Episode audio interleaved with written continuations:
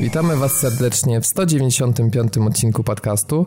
Ja nazywam się Robert Fijałkowski, a ze mną dzisiaj ekipa w nieco pomniejszonym składzie, bowiem bez Dawida. E, w składzie Szymon Zelichta. Czołem grającej Polsce. I Piotrek Modzelewski. No hej. Także dzisiaj w trójkę, dzisiaj jest e, ten wielki odcinek, właśnie ten, na tak, który na pewno on. czekaliście, który jest o Uncharted. Nie wiem, tak e, zazwyczaj nie zwracamy na to specjalnie uwagi, ale zdaje się, że jeżeli jutro rano się nie pojawią jakieś podcasty, to będziemy chyba pierwsi w sumie, którzy o tym mówimy, więc no mamy nadzieję, że że uchowaliście się też e, bez spoilerów, a zresztą jeśli chodzi o to, na ile dogłębnie będziemy mówić o Uncharted, na ile to będzie mm, zdradzanie jakiejś tam fabuły lokacji, to wam powiemy w tym bloku bliżej Uncharted, ale generalnie planujemy jeszcze, mam nadzieję, że to się uda nam e, zrealizować. E, taki odcinek ekstra, w którym sobie typowo ze spoilerami omówimy to, co jest w Uncharted, bo naprawdę mm, chcemy o tym rozmawiać. No, ta gra skłania do wielu rozmów, no a wiemy, że no, nie wszyscy chcą jakby znać szczegóły i też nie chcemy zostawiać tego gdzieś zaszytego w odcinku, żebyście przypadkowo przesuwając na przykład na timeline po prostu na to nie trafili. Ja tylko Więc sprostuję jedną rzecz. E, to jest, to jest potwierdzone info, formogatka nas wyprzedziła. Niestety oni e, mają no, wcześniej jakby recenzję Uncharted. Także jesteśmy okay. drudzy, nie pierwsi. Okej, okay, no to dobrze, no ale to pozdrawiamy w takim razie. 2 na 10. Tak, tak, pozdro, po, pozdro, pozdro, pozdro, dla ekipy y, Formogatki. Tak, a my nie pozdrawiamy gościa niedzielnego i Piotra Modzalewskiego, który zapisał wow, mikrofon. Wow, wow, wow, chwilę, momencik. No. No cóż, trzeba było zrobić płynne przejście. No czasami muszą być ofiary tego, tego płynnego przejścia właśnie. No i tak- Robert, tak, tak... powiedz mi, mhm. jak, jak ty mnie możesz nie pozdrawiać, jeżeli brak gościa niedzielnego do montowania sprawił, że miałeś więcej czasu na granie Uncharted? Hmm? Znaczy, no A, wiesz, good, nie chciałem się głośno do tego przyznawać, no ale jak no, już to... tu cię mam. No ale i tak mi się niestety nie udało skończyć. No ale byłem bliższy niż, niż gdybym był montując, to prawda. Dzisiaj dzięki temu moja sesja wydłużyła się z godzin dwóch do godzin pięciu, bo te trzy właśnie bym pewnie spędził na, na gościu niedzielnym. No to good for you, wiem, good mam for cię you. pozdrowić? Mam cię pozdrowić w takim razie? Nie no, proszę bardzo, możesz mi Moja pozdrowić. Moja konsola ja cię nie pozdrawia, bo się grzała dzisiaj jak porąbana. To, no to trzeba było jej zmienić pastę termoprzewodzącą ale nie wiem, czy jeszcze chyba jestem na gwarancji, chociaż jakoś właśnie kupowałem, pamiętam, w kwietniu, nie no to już nie, no to, to już w sumie wypadałoby faktycznie coś zrobić, ale być może Neo załatwi zamiast e, nowej pasty termoprzewodzącej nowa konsola. Tak, to jest pewnego rodzaju rozwiązanie. Natomiast co do tego, dlaczego gość niedzielny się nie pojawił, to ja pragnę się przyznać do faktu, iż mój mikrofon spoczywa na statywie. Jest to statyw, który został wykonany metodą niezwykle chałupniczą bowiem dawcą była e, stara lampka biurkowa z Ikea i ów statyw czasami miewa humory i tym razem miał największy humor ze wszystkich, w związku z czym mój mikrofon spadł z wysokości około no, 1,7-1,8 metra na podłogę, Została obwieszczona jego śmierć, zarówno przeze mnie, jak i przez Dawida, natomiast w związku z tym, że doszło do takich, a nie innych perypetii, chwyciłem dzisiaj śrubokręt i nożyczki i jak widać mikrofon działa. No to po prostu zostań bohaterem swojego podcastu. Nie no wiesz, na, na, na, na iFixit jest bodajże jakiś taki ranking, że jak, jak bardzo można naprawić coś w domu i tam iPady mają dwa, ten ma 10 na 10. To, to jest najlepszy mikrofon na świecie. A, no to widzisz, faktycznie, no iPada ciężko byłoby chyba samemu naprawić. No ale cóż, cieszymy się, że się udało i, i, i że, że rozmawia z tego mikrofonu. Mamy nadzieję, że nie słyszeliście czegoś takiego albo nie czytaliście na Facebooku, że odcinek przesunięty, bo ścieżka Piotrka była rozwalona, tu odpłukać i że mikrofon wytrzyma i moje internety również, bo ja z kolei miałem naprawienie routera, który nie chciał się włączyć. No ale twardy reset na szczęście pomógł i zabawa ustawieniami. No ale dosyć, dosyć tych wszystkich off-topów. Przechodzimy teraz e, do różności społeczności. Dwa komentarze, jakie wybraliśmy z padtv.pl. E, jeden to komentarz Berserkera, e, który postanowił wyrazić swoją niepochlebną opinię a propos Quantum Break i między innymi powiedział, że z Quantum Break zrobiła się taka TV soap opera i pomysł serialem to porażka, która pasuje do tej gry jak pięć do nosa.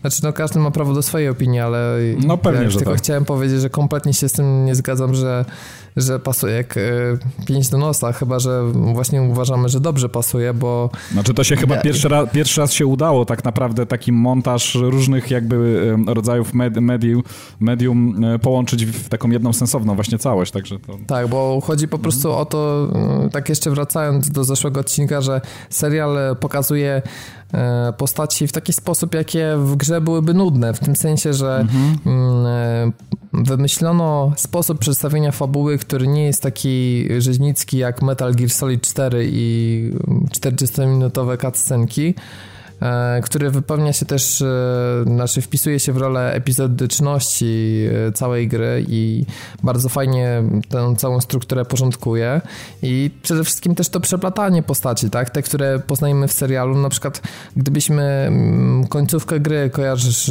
ten motyw tutaj bez spoilowania, ale wiesz, która postać pomaga na koniec naszemu bohaterowi. Tak, tak, tak, no tak, to, to jest gdyby, dość niespotykane, no. Gdyby nie no. serial, no. tak, gdyby nie serial, to by, byłby jakiś random guy, którego w życiu byśmy nie kojarzyli, by nas głównie obchodził tak naprawdę.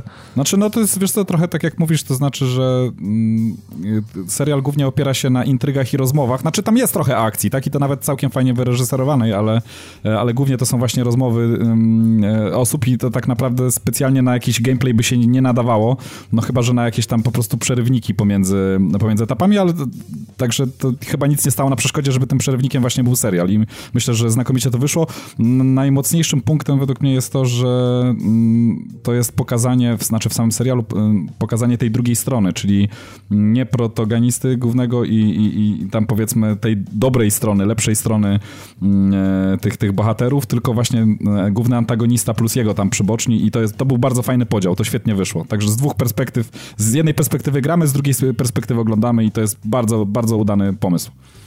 Tym bardziej, że e, serial też wpływał na te etapy, kiedy się wybierało w grze. Co, co, tak, tak, tak. tak. Te, no, te główne wybory. To, więc to też bardzo wpływało też na odbiór tego, co mamy dalej zrobić. Więc ja będę mhm. też bronił. Oczywiście komuś się mogło nie spodobać, ktoś może nie być fanem seriali albo na przykład, nie wiem, lubić zupełnie inny rodzaj seriali niż Quantum Break zastosował. Ja to rozumiem, natomiast uważam, że nie było sensu tracić budżetu na grę, na serial, w którym e, nie byłoby nie wiadomo ile akcji, dlatego że to gra przede wszystkim miała pokazywać te, te najbardziej intensywne wydarzenia, a serial miał je dopowiadać. Dokładnie I trzeba patrzeć tak. na to medium mhm. jako na jedno, a nie na to, że serial miał się bronić jako samodzielnie, ponieważ on byłby bez sensu, gdybyśmy go mieli sobie, nie wiem, na YouTubie obejrzeć odcinek po odcinku. Trzeba, trzeba na pewno przyznać, Robert, i, i tutaj bez względu na to, czy komuś się podoba, czy nie podoba, um, Remedy bardzo, bardzo mocno zaryzykowało tak, tym, tym pomysłem, bo to, um, bo to taki pomysł, który jak się słyszało o nim na papierze, to człowiek miał wątpliwości, czy to rzeczywiście może się udać. I mi się wydaje, że, że, że mimo wszystko to, um, to jest jedyna produkcja, której się udało to zrobić naprawdę dobrze i, i naprawdę na poziomie.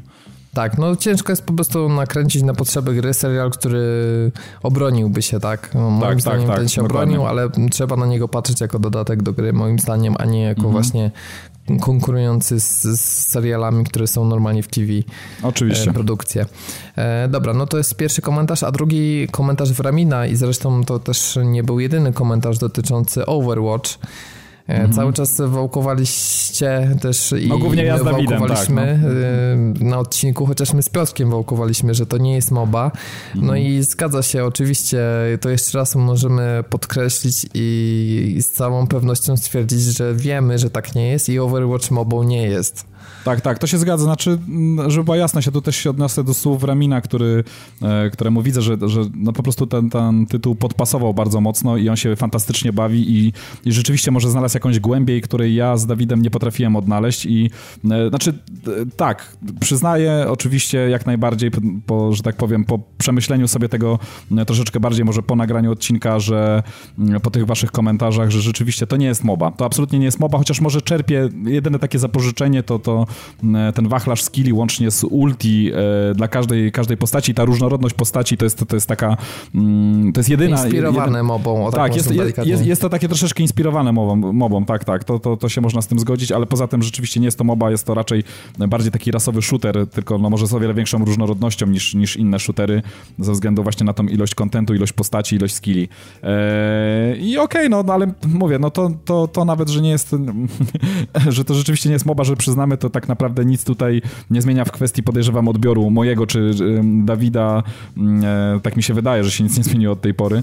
No właśnie, mimo, no że, Dawida, mimo, że Dawida nie, nie, ma z nami, mhm. mimo, że Dawida nie ma z nami i, i, i jak, jak dla mnie ja pozostaję, obstawiam, znaczy pozostaję ciągle przy stanowisku, że to nie jest tytuł, w który będę w stanie się wkręcić i będę w stanie czerpać z niego jakąś e, przyjemność, także ja, ja niestety odpadam mimo wszystko.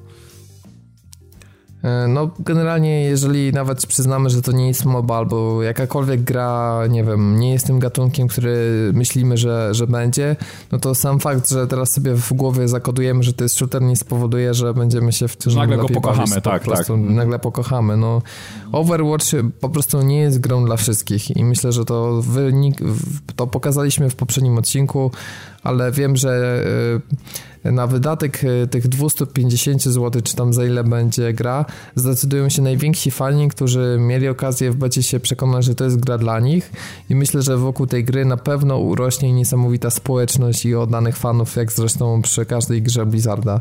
No więc, dokładnie, więc dokładnie tak jest będzie. zupełnie inna gra, więc myślę, że ona jest skazana na sukces, tylko że my po prostu no, no nie będziemy grali na premierę, no bo już powiedzieliśmy dlaczego. No, nie, nie, nie puknęliśmy tego bakcyla na tyle, żeby się mhm. wciągnąć. Ty jeszcze, Piotrek, coś grałeś po odcinku, tym niedzielnym nagrywanym w zeszłym tygodniu? Tak, ja jeszcze grałem, bo oni tą betę w ogóle przedłużyli tam o 24 godziny i jeszcze, jeszcze kilka meczy mi się zdarzyło rozegrać, tak, tak żeby pożegnać się z tą betą, bo no tak jak mówiłem, nie kupię tej gry na pewno na premierę, poczekam ewentualnie na to, aż jakieś większe grono znajomych się zdecyduje na zakup albo na jakąś promocję bo jest to gra bardzo fajna. Mi się Bastionem bardzo fajnie grało, to się muszę przyznać. A to ten, który ma e, no tarczę taką? Czy, czy... Nie, nie, nie, nie. Bastion to jest ten taki robocik, który ma ptaka lądującego na palcu i to, to źle brzmi. E, w każdym razie on, on, on się może przełączyć w tryb działka i po prostu wtedy kosi. Jest, jest, jest kiepsko u niego z mobilnością, ale po prostu mi, no, próbowałem grać smugą w związku z hypem marketingowym i innymi walorami ale, ale nie jestem stworzony do tego, bo wprawdzie tam kilka taktyk mi się udało opracować właśnie z tym wpadaniem, wypadaniem, cofaniem czasu, etc., ale no ostatecznie rzecz biorąc Bastionem grało mi się lepiej jakoś tak pośród znajomych po prostu rozplanowaliśmy sobie te role, przynajmniej do bety. Szło nam całkiem nieźle, a potem beta się skończyła i efekt był taki, że poszliśmy na trialsy. Mi się, mi się najlepiej, ja jeszcze tylko powiem, że mi się najlepiej grało tą Japonką w mechu, nie pamiętam teraz jak ona się nazywała, ale... E, Diva. E, no, ona, ona generalnie e, fajna była pod tym względem, że, że można było być takim gnojkiem, który po prostu wbijał się w tłum i detonował tego mecha e, i, i, razem, razem ze wszystkimi. To było całkiem fajne. Ale powiedz mi, bo, po, no. powiedz mi no. jeszcze, nie, nie, nie, nie, nie zrobisz teraz płynnego przejścia. No, ja, ja stoję, stoję na straży no. braku płynnych Ty robisz to specjalnie, ja wiem. Oczywiście, ale Szymon, powiedz mi, ty nie miałeś tego problemu, jak grałeś Divą, że nie udało ci się uciec przed eksplozją tego mecha, która ci zabijała? Wiesz co, pierwsze dwa, trzy razy tak, a później już e, zczaiłem się, że to po prostu trzeba tam dosyć spory kawałek przebiec od tego mecha, bo pole rażenia jest dość, dość duże. Także e, tak, zdarzyło mi się. Dwa, pierwsze dwa, trzy razy rzeczywiście zginąłem. E, popełniłem samobójstwo po prostu. No to pytanie, czy takie same samobójstwa w mechu popełnicie również Titanfallu 2, który jak się okazuje będzie miał premierę na jesień tego roku. I tak to e, zrobił. Co jest, co jest dla mnie zaskakujące, ponieważ wygląda na to, że w jednym kwartale E, dwa shootery będą od jej rywalizować. No oczywiście trudno o dwie bardziej różnorodne produkcje niż e, Titanfall 2 i Battlefield 1, który no, jest w zupełnie innym settingu. E, no ale zobaczcie, jak, jak na jesień się bardzo mocno mm, grupa graczy podzieli, bo z jednej strony mamy dwie części Call of Duty i zastanawiam się, czy, czy właśnie więcej ludzi nie będzie grało w remastera czwórki tak naprawdę niż, niż w tego całego śmiesznego Infinite Warfare ale jakiś tam podział graczy będzie. Tutaj ten Fall, to Battlefield, może jeszcze coś wyjdzie, no rozproszy się to mocno. Ciekawe, czy... Dodatek, czy... dodatek do Destiny. O Jezu, dodatek do Destiny. No tak, to jest tak mocna produkcja PvP, że po prostu wszystkie inne ledwo dychają. Znaczy, powiem wam, że u mnie sytuacja, się. U, u, mnie sytuacja będzie bardzo prosta. Na, na czoło na pewno, na pewno wysunie się BF1. No chyba, że ja nie wiem, co się zdarzy po drodze i, i że, że ten tytuł w jakiś sposób mnie zniechęci do siebie, Nie, ale... nie, no to ja, wiesz co, mi się wydaje, że mm -hmm. ewentualnie może się coś zdarzyć i to jest Microsoft wychodzący na E3 mówiący Halo 6. No, no to chyba, że tak. no, no ale nie zrobią już Halo na jesień teraz. Znaczy Gearsy będą przecież jeszcze, tak? Na jesień, więc to no, kolejny no tak, tytuł, tak. Znaczy Gearsy to, pra Gearsy to prawie koniec roku, bo tam dwa miesiące przed końcem roku chyba wyjdą, także... Aha, zresztą, no tak, no BF i, e, BF i Call of Duty zresztą też, no to, to będzie ten okres. No to nie, no to dobra, okej, okay. no to w takim razie wychodzi, że będę się najwięcej zagrywał w Gearsy. Ale to nie znaczy, że mm, BF-a nie ogram, bo na pewno ogram, tak samo Titanfall 2, dlatego, że w jedynce bawiłem się naprawdę przed wyśmienicie. Tak, super gra, mi też, mi też się bardzo podobała, tylko miała po prostu parę mechanik, które spowodowały, że nie była na tyle na długo wciągająca. To trochę taki case jak Battlefronta, tak, z Battlefrontem, mm. czyli no świetnie się gra, wszystko fajna zabawa, tylko jakoś po półtora miesiąca odkładasz i nie chce ci się wracać. A do Battlefielda, no, ja mhm. Battlefield ma coś takiego, ma też taką złożoność, że możesz grać w to rok, dwa i co jakiś czas po prostu wracać, a te gry moim zdaniem tego nie miały po prostu. Dokładnie, także no, znaczy u mnie na pewno się, tak jak mówię, na, na prowadzenie wybiją Gearsy, dlatego że no, to, to jest po prostu dla to jest moja ukochana seria i, i, i na pewno ona będzie na czele. BF1, jeżeli nic nie spaprają, to będzie taka gra, którą będę ogrywał jakby równocześnie z, z Gearsami. Do Titanfall na pewno zajrzę, bo się świetnie bawiłem, a jeśli chodzi o nowe Call of Duty, to tak jak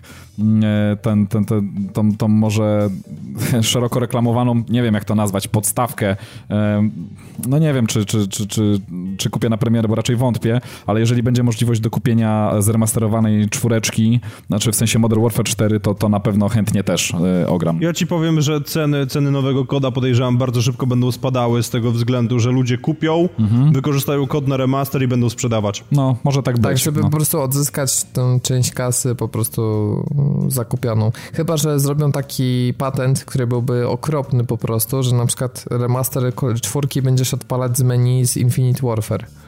Mhm. No tak, tak, to też tak mogą zrobić, ale to już by, było, no to już by był świński numer. No, ale, no, ale... to jest Activision, no równie dobrze no, mogą tak, właśnie, tak. żeby się zabezpieczyć przed odsprzedażą Infinita, no to mogą właśnie w ten sposób zrobić.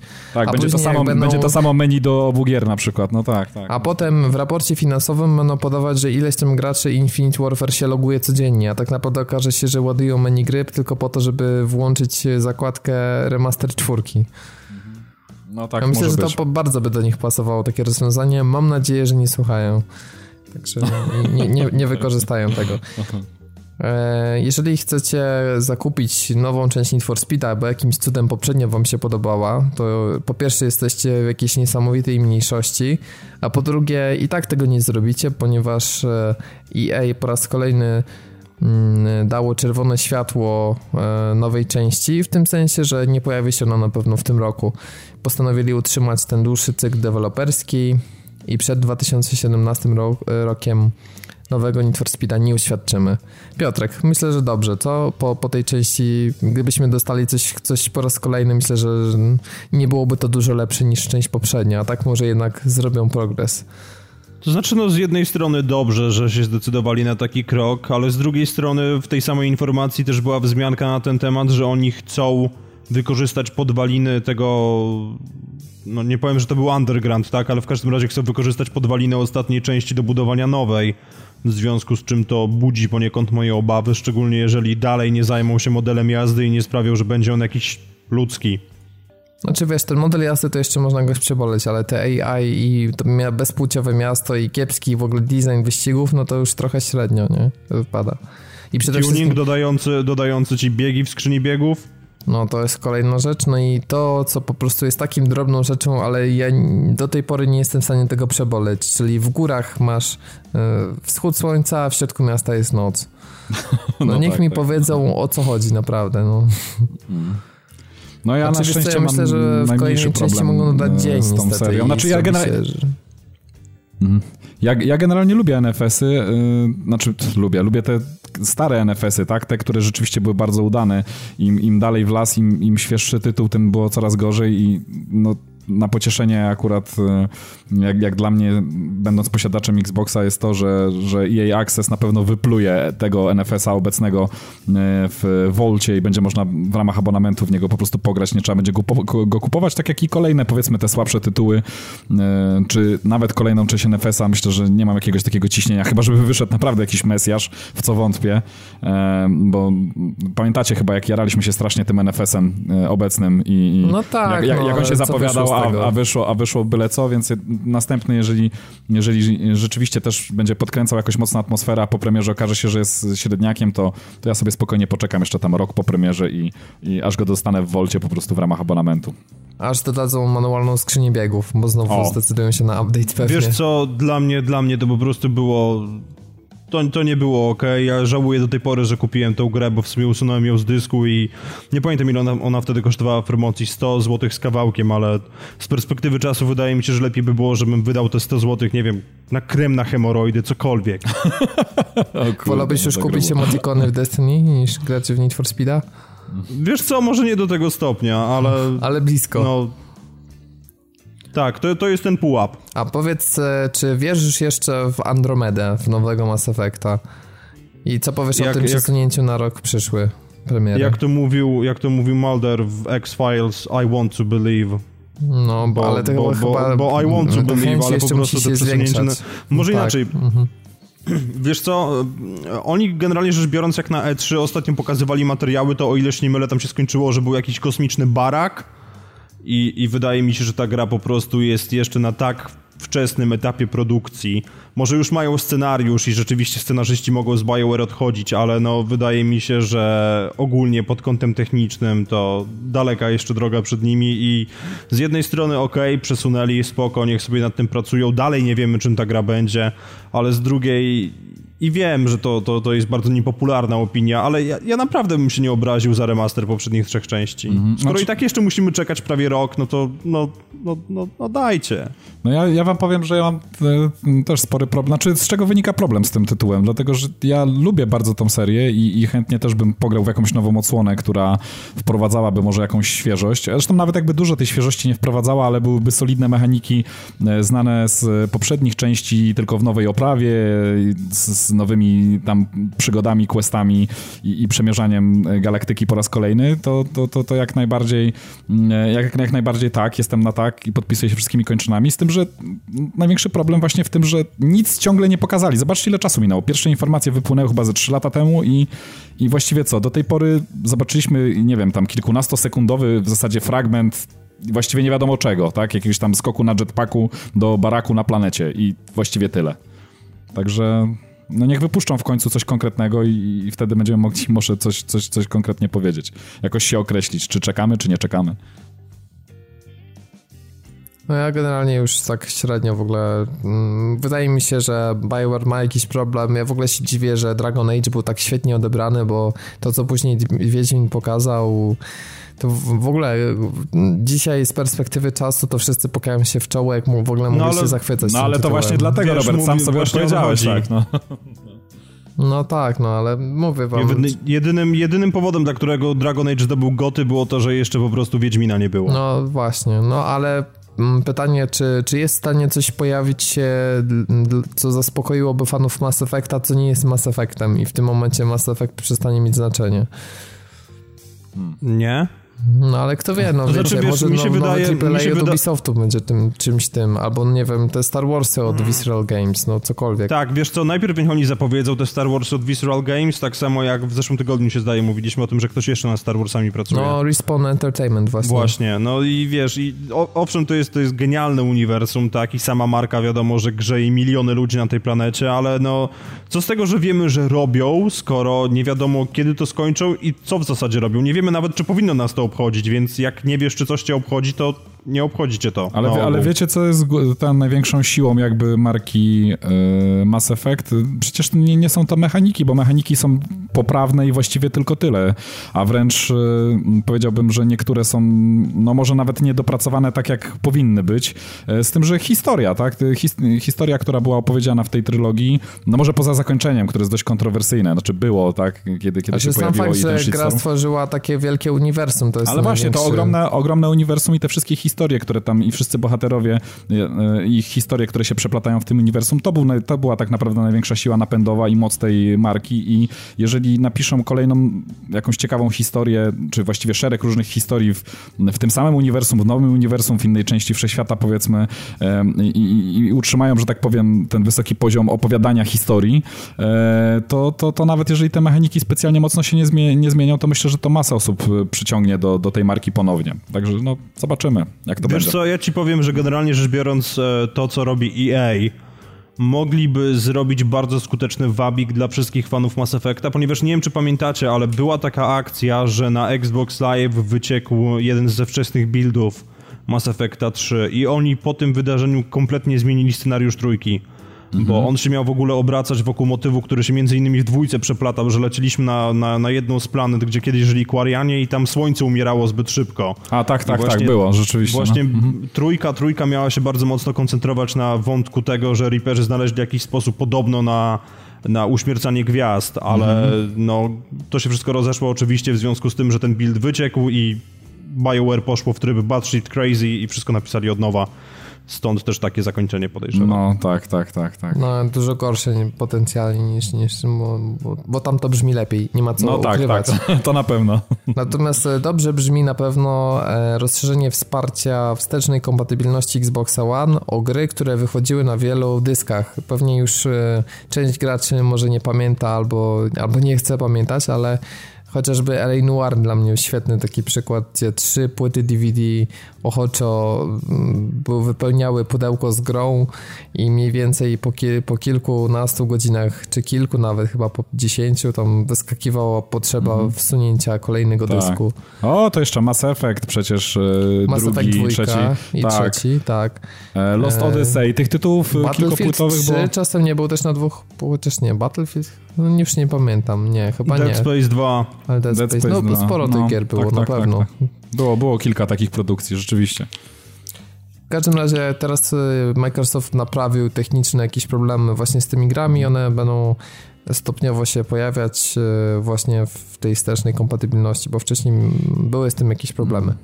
Ja strzelam, że to ja mhm. strzelam, wiesz co, tylko chyba, że to o to chodzi, dlatego że jak odpalamy grę jakąś... Y, wydaje mi się, że to problem może być z nośnikiem fizycznym. Jak odpalamy jakąś grę, to ona jest emulowana i tam pewne dane są sczytywane płyty, czy nie wiem, może pewne informacje z płyty są sprawdzane, tak, żeby ten nośnik rzeczywiście, znaczy, żeby ta płyta była rzeczywiście w czytniku i podmianka mogła powodować jakoś, powiedzmy, wyrzucenie z tego trybu y, kompatybilności wstecznej. Tak podejrzewam, bo wydaje mi się, że w wersji elektronicznej, kiedy wszystkie dane mamy na dysku, to problemu chyba nie było. Także tak tak strzelam, chociaż nie wiem na pewno, czy, czy tak rzeczywiście jest. Ja, wiem na pewno, że Deus Ex się pojawił w tej wstecznej kompatybilności, więc jeżeli mm. chcecie sobie przypomnieć e, świetną poprzednią część przed, przed kolejną, to, to jest to dobry ale Deus, moment, myślę. Ale Deus już jakiś czas temu się pojawił. Ja już go ogrywałem chyba z półtora miesiąca temu. Chociaż to może przez to, że w preview jestem. Nie, tam. ale wiesz co, to, to chyba się zdaje, że teraz po prostu wyszedł ten Deus w wersji Director's Cut, że tam jeszcze jakieś wsparcie do DLC dorzucili. A, tak, tak, tak, tak być może. Tak, mhm. jest, jest wersja Director's Cut, jest wersja, e, gdzie są poprawione walki bossów znacznie, bo to była największa bolączka mhm. pierwszej części i ogólnie sporo tak, tam napraw tak, tak. błędów, więc, więc właśnie w tej najlepszej, najbardziej dopasionej wersji. Natomiast teraz na koniec e, bloku tematycznego, zanim przejdziemy do, do tego, na co wszyscy czekają i już się nie mogą doczekać, tak, e, tak samo jak i my zapewne, e, mamy jeszcze dobrą i złą wiadomość dla wszystkich fanów Call of Duty. I teraz dobra wiadomość jest taka, że zapowiedziano oficjalnie Call of Duty Modern Warfare Trilogy – w jednym wydaniu będą trzy części Call of Duty, będzie czwórka, będzie e, Modern Warfare 2 oraz Modern Warfare 3. Czyli, najlep czyli najlepsze części tak naprawdę. No, powiedzmy, są ludzie, którzy uważają, że Black Opsy są lepsze niż Modern znaczy, no, Warfare. pierwsza część Black Opsa na pewno, ale druga i trzecia to już tak dość dyskusyjne jest, powiedzmy. Nie no, ale mówię o pierwszej jak najbardziej. No tak, tak, tak, tak. Mhm. E, w każdym razie, no to jest ta dobra wiadomość. A teraz, teraz mm, ta mniej przyjemna część, mianowicie to wydanie pojawi się wyłącznie na starej generacji konsol. No, I to już jest absolutnie bitch slap wypłacony wszystkim graczom, którzy byli zainteresowani e, może tymi, tymi tak, taką kolekcją, bo ruch jest kompletnie niezrozumiały. Ja nie wiem, ile osób... Nie, no ja mam pytanie, no. czy, czy to jest wydanie, które ma się pojawić tylko na rynku brazylijskim i innych państw tego typu? No bo wszyscy, którzy jakby żyją w tej takiej, no nie chcę powiedzieć bardzo cywilizowanej, tak, ale wszyscy wiecie o co chodzi, części świata, Wydaje mi się, że jeżeli mieli ograć te gry, to zrobili to 4, 5, 6 lat temu. No właśnie. No ale... I tak jakby mhm. wypluwanie tego drugi raz teraz, no, no nie wiem, to chyba ewentualnie jest ukłon w stronę kolekcjonerów, którzy chcieliby mieć to w jednym pudełku, albo mhm. sprzedawali swoje gry i chcą stare savey, no bo te systemy tak trochę hashtag nikogo już. To znaczy, umówmy się, kolekcja, kolekcja, kolekcja remasterów miałaby sens jak najbardziej, ale wypuszczanie tego po prostu jako paczki, no, nie, no, ja kompletnie nie potrafię tego ale zrozumieć. Ja jeszcze jedną dorzucę tutaj oliwy do ognia. Bo powiecie sobie, ok, wydanie zbiorcze, no to pewnie jest ze wszystkimi DLC-kami. Otóż nie. o, okay, otóż tak nie, słuchajcie. Na, na, opakowaniu dumnie jest napisane, że Call of Duty Modern Warfare 2 zawiera Stimulus Package czyli jakiś tam map pack. I jest to jedyny map pack, jaki znajdziemy w tym wydaniu zbiorczym. Ty, a to wow. czasami nie było dorzucane, dorzucane do gry na premierę? Pewnie zostały im jeszcze jakieś kody i pewnie po prostu dorzucili to do pudełek. I wiesz, ta sama wkładka podejrzewam, że tam jest z, wiesz, z tyłu za instrukcją. nie, no to po prostu odjazd. Activision to tak, są mistrzowie część, część kodów, część kodów będzie przeterminowana. No kto wie, może tak będzie. No, zdarzają się przecież takie akcje w świecie growym. E, w każdym razie e, zapytacie jaka cena może, no bo spodziewacie się pewnie wysokiej w końcu to Activision. Tu muszę was uspokoić, bo ten wspaniały pakiet bez DLC-ków na starą generację będzie za jedyne 30 dolarów. Mhm. Także i... nic, nic tylko brać. To i tak o 29 za dużo. I tak już za dużo poświęcamy na to czasu, ale chcieliśmy po prostu tak trochę no, humorystycznie, bo w sumie no no Activision to już no, no, ciężko jest skomentować. No, myślę, że wystarczyłoby wypuścić po prostu w pudełku Call of Duty 4 e, właśnie za te mm, 30 dolarów ze wszystkimi DLC-kami i gracze byli po prostu w niebo wzięci. Myślę, że sprzedaliby tego kilka milionów spokojnie. Hmm. No, no, tak, ale tak. No trzeba tak. boostować, no ale wiecie, potem jak inwestorzy by przyszli powiedzieli, dlaczego remaster starej części sprzedaje się lepiej niż wasza nowa część? Czy coś tu jest nie halo? No, no właśnie, chyba właśnie. Przed, tym, przed tym musieli się niestety uchronić.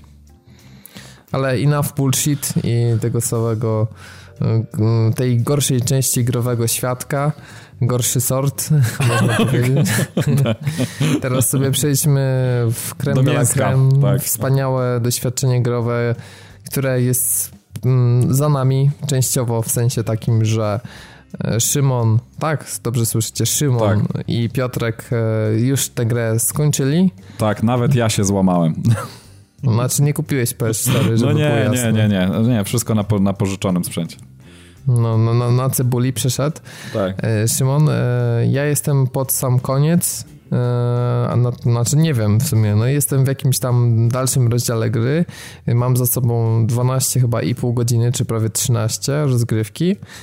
E, no a Piotrek przeszedł grę w ogólnie na hardzie i teraz chyba jest już w połowie drugiego przejścia, czy jak tam? Czy... No tak, tak mi się wydaje, że mniej więcej w połowie właśnie. Mm, no właśnie, więc, więc różne perspektywy. E, no i co? Najpierw może zacznijmy takie dyskusje od e, takich pierwszych wrażeń i na razie takich, takich ogólnych rozkmin, a potem sobie zagłębimy się w te większe szczegóły. Powiedzcie tak wprost, no bo do tej pory tym benchmarkiem e, dla Uncharted i to, do czego wszyscy wracaliśmy i wielokrotnie w x odcinkach mówiliśmy, że Uncharted 2 no to było takie właśnie zajebiste, najlepsza część i w ogóle system mhm. seller PS3 Powiedzcie, czy, czy wróciły do was te same uczucia, które towarzyszyły przy ogrywaniu drugiej części na zasadzie, ale to jest zajebiste, jak oni to zrobili, ale to jest fajne i tak dalej, i tak dalej. Znaczy czy, was, ja, ja, czy, czy, udało się to odtworzyć po prostu? Ja, ja od razu powiem, że yy, tak, dokładnie. To, że tak powiem, te same uczucia mi towarzyszyły, co przy drugiej części yy, w prologu yy, przede wszystkim, tak? Bo prolog to był taki po prostu beach slap na, na, na, na dzień dobry i, i taki opad szczeny w ogóle, jeśli chodzi o... No bo to, to chyba nie będzie zaspoilerować prologu, A, chyba się nie da, nie? Znaczy, wiesz co, może ja bym nie no. wchodził w szczegóły fabularne, wiesz, może inaczej, o tak mhm. powiemy, że E, nie będziemy wchodzić w szczegóły jakby na razie jakichś tam, nie wiem, wielkich lokacji tego, co tam się dzieje, e, natomiast jakieś tam drobne spoilery w trakcie dyskusji mogą paść, no bo mhm. dla kogoś może być spoilerem naprawdę jakaś, jak jest mega fanem na, na maksa pierdoła, która jest związana z serią. Wiesz co, jeżeli... wydaje mi się, że mega fani do tego momentu już skończyli grę. No, no mi się też tak wydaje. Znaczy generalnie, wiecie co, no to nie jest chyba jakiś wielki spoiler. Chodzi mi o to, że to, co się dzieje, e, wiecie, na samym początku i, znaczy, może nie będę mówił czego dotyczy, dotyczy, ten początek. Znaczy powiem tylko tyle, że ten, jakby ten prolog jest jakby rozwinięty w dalszej części gry. O, może, może tyle. I, ale generalnie to, co, mm, to, co przy, przy, przewija nam się przez ekran, czyli ten mm, no, wizualny majstersztyk, wszystkie efekty cząsteczkowe, gra świateł, cieni, detali wszelkich e, i przy naszych bohaterach i, i wszystko to, co widzimy gdzieś tam toczące się e, dookoła, to, no, to jest po prostu jeden wielki opad szczęki. To jest bar bardzo mocne otwarcie, naprawdę jedno z mocniejszych, jeśli chodzi o, e, o gry wideo i myślę, że nawet przeskakuje tutaj mm, Uncharted 2, e, jeśli chodzi o, no bo Uncharted 2, jak też pamiętacie, ma, miało bardzo mocny opening, też fundujący niezłego kopa i, i opatrzczenie, ale myślę, że... się zaczynało z, z tym wagonem, tak? Z wagonem, tak, tak, tak, z wagonem i to też było niesamowite, pamiętam, że to mhm. był też niesamowity opad szczęki, ale myślę, że przeszli samych siebie i tutaj, e, tutaj przebili, przebili to, to, ten, ten, ten, ten efekt Y, wow y, taki na, na otwarcia. Nie wiem, czy zwróciliście uwagę, jak świetnie wkomponowany był ten taki standardowy tutorial, bo większość gier ma z tym problem, że zaczyna się e, w jakimś pomieszczeniu sterylnym, gdzie po prostu jest na zasadzie obróć kamerą, przejdź kilka kroków, naciśnij X, żeby skoczyć mhm. i traktujecie jak debila. A, a, to jest jedna z niewielu gier, które zwróciłem uwagę, że naprawdę w, jest, jest to sprytnie wkomponowane i kompletnie nie przeszkadza ta warstwa tutorialowa. To prawda, tylko że wiesz co, ja jedną rzecz, którą chciałbym tutaj dodać, Zdziwiło mnie tylko to, że ten tutorial jakby ciągnie się e, właściwie chyba do połowy gry, można by powiedzieć, bo mm, znaczy to jest bardzo fajne, to jest bardzo fajny zabieg, mi się to zawsze podoba, że te nowe mechaniki są po prostu co jakiś czas wprowadzane. To jest model Rockstara, który trzeba przyznać, że oni są mistrzami w tym. Tak, i, tak, tak. I to jest fajnie. Od wielu lat w grach funkcjonuje w sumie, nie? I to jest, i to, tak, i to jest fajnie dawkowane, ale to tak jakby, może to tak troszeczkę uprościć, to, to tutorial przez pierwsze 10 e, chapterów jakby um, przechodzimy, znaczy to nie, to nie jest tutorial, tak, jeden długi tutorial, ale jakby elementy tutorialu przewijają nam się powiedzmy przez pierwsze 10 chapterów, tak? Znaczy, no po prostu powstają jakieś tam nowe mechaniki, ale wiesz co, tak, no w tak, Quantum tak, tak. Break na mhm. przykład też bardzo późno tak, tak, ale z ostatnich skilli mm. się pojawia, więc... Ale ja, ja przy Quantum Break mówiłem o tym samym, że to jest właśnie bardzo fajne, że to nie jest tak, że przejdziemy tutorial i tak jakby już y, do końca nic nowego się nie dowiemy i nic nowego się nie wydarzy, tylko tutaj to tak jakby z każdym chapterem y, jakby dochodzi coś nowego i, i, i uczymy się tego w taki sposób właśnie fajnie wpleciony w fabułę i to jest super. Tak, i no ja też, też, też tak uważam. No to zaraz przejdziemy w większe szczegóły, to jeszcze do Piotrka pytanie, jak to u ciebie? Też udało się odtworzyć te wspomnienia? Udało się, i tak i nie, udało się je od, od, odtworzyć, ale udało też się przede wszystkim odtworzyć ten efekt wow, nie lubię tego stwierdzenia, ale go użyłem. Udało się otworzyć właśnie ten efekt, który był przy, przy odpaleniu dwójki, bo tam właśnie ten sam początek, wow, on zostawia ślady w śniegu, wow, jak to wygląda i to było to samo, mniej więcej. Co prawda początek, początek gry jest trochę dziwny, jak na mój gust. Znaczy ja bo... totalnie się nie spodziewałem, że właśnie... No, ja też. Nie no, ja, ja, ja, też się nie spodziewałem może w ten sposób, ale sam początek, tak, to co widzimy, czyli tę te, te, te, akcję z łódkami, nazwijmy to tak trochę enigmatycznie, mhm. bo ona kuleje trochę technicznie. I dla mnie to było dziwne, że coś takiego jest na openingu i się trochę zacząłem bać, że może dalej będzie podobnie, ale na szczęście nie było. Znaczy chodzi o to, że no nie wiem, e, fale może są lepiej zrobione w GTA 5, tak? O to ci chodziło na przykład? Nie, nie, nie, nie, chodzi, chodzi, nie, nie, nie, to nie, nie, chodzi o to, że jest coś nierealistyczne, to jest Uncharted na miły Bóg, tam magiczna siła cię pcha jak używasz lassa. Bardziej mi chodzi po prostu o to, że w związku z nagromadzeniem różnych efektów tam jest sporo dropów frame co zresztą Digital Foundry też wytknęło. A, tak, to, Aha, to no prawda, że, że tam no trochę to... dropów jest. no to wiecie co, powiem wam, że tak, ja jestem w tej komfortowej sytuacji, że ja po prostu takich rzeczy nie widzę. mi absolutnie nic nie... Znaczy, wiecie, takie jakieś drobne chrupnięcia to jest y, jakby coś, co, co ja mogę absolutnie wybaczyć każdemu tytułowi, także tak, no, ale taki drobny spadek, no, jest to, to, to jak najbardziej w sferze no. do wybaczenia, to żeby było jasne. Tutaj naprawdę się czepiamy. Ja mam wrażenie, że e, generalnie spowolnienia, jakie znajdują się w Uncharted, to są jednak z powodu procesora, bo bardzo często tam, gdzie mamy do czynienia z, du z dużą ilością fizyki, gdzie mnóstwo obiektów spada, trochę tam, gdzie, gdzie mamy pewne lokacje, gdzie pojawia się więcej ludzi, e, one, tam też trochę, trochę jest to odczuwalne, że jakby jest większe obciążenie i myślę, że, że to nie chodziło o grafikę właśnie, tylko znowuż o ten nieszczęsny, słaby procesor w PS4. Natomiast jeżeli już dotknęliśmy warstwy technicznej, e, ja też powiem, że miałem ten efekt wow, jak z Uncharted 2, nie będę tu oryginalny, ale naprawdę to jest gra, którą czuję się jakbyśmy weszli pełną gębą w nową generację tak naprawdę, mimo że e, jeżeli no, przepraszam, że ci przerwę. Infamous, przepraszam, że ci przerwę, tak? ale ktoś, ktoś, nie pamiętam z jakiego portalu, ale ktoś, czy, ktoś napisał, że nowa generacja zaczyna się wtedy, kiedy Naughty Dog o tym powie. No poniekąd I tak jest. To tak no, wygląda. Znaczy, wiesz co, jest, nie, nie okej, okay. jest jedna gra, która rzeczywiście miejscami prezentowała no, podobny poziom i rzeczywiście też potrafiła w tej warstwie akurat rozwalić i to jest The Order.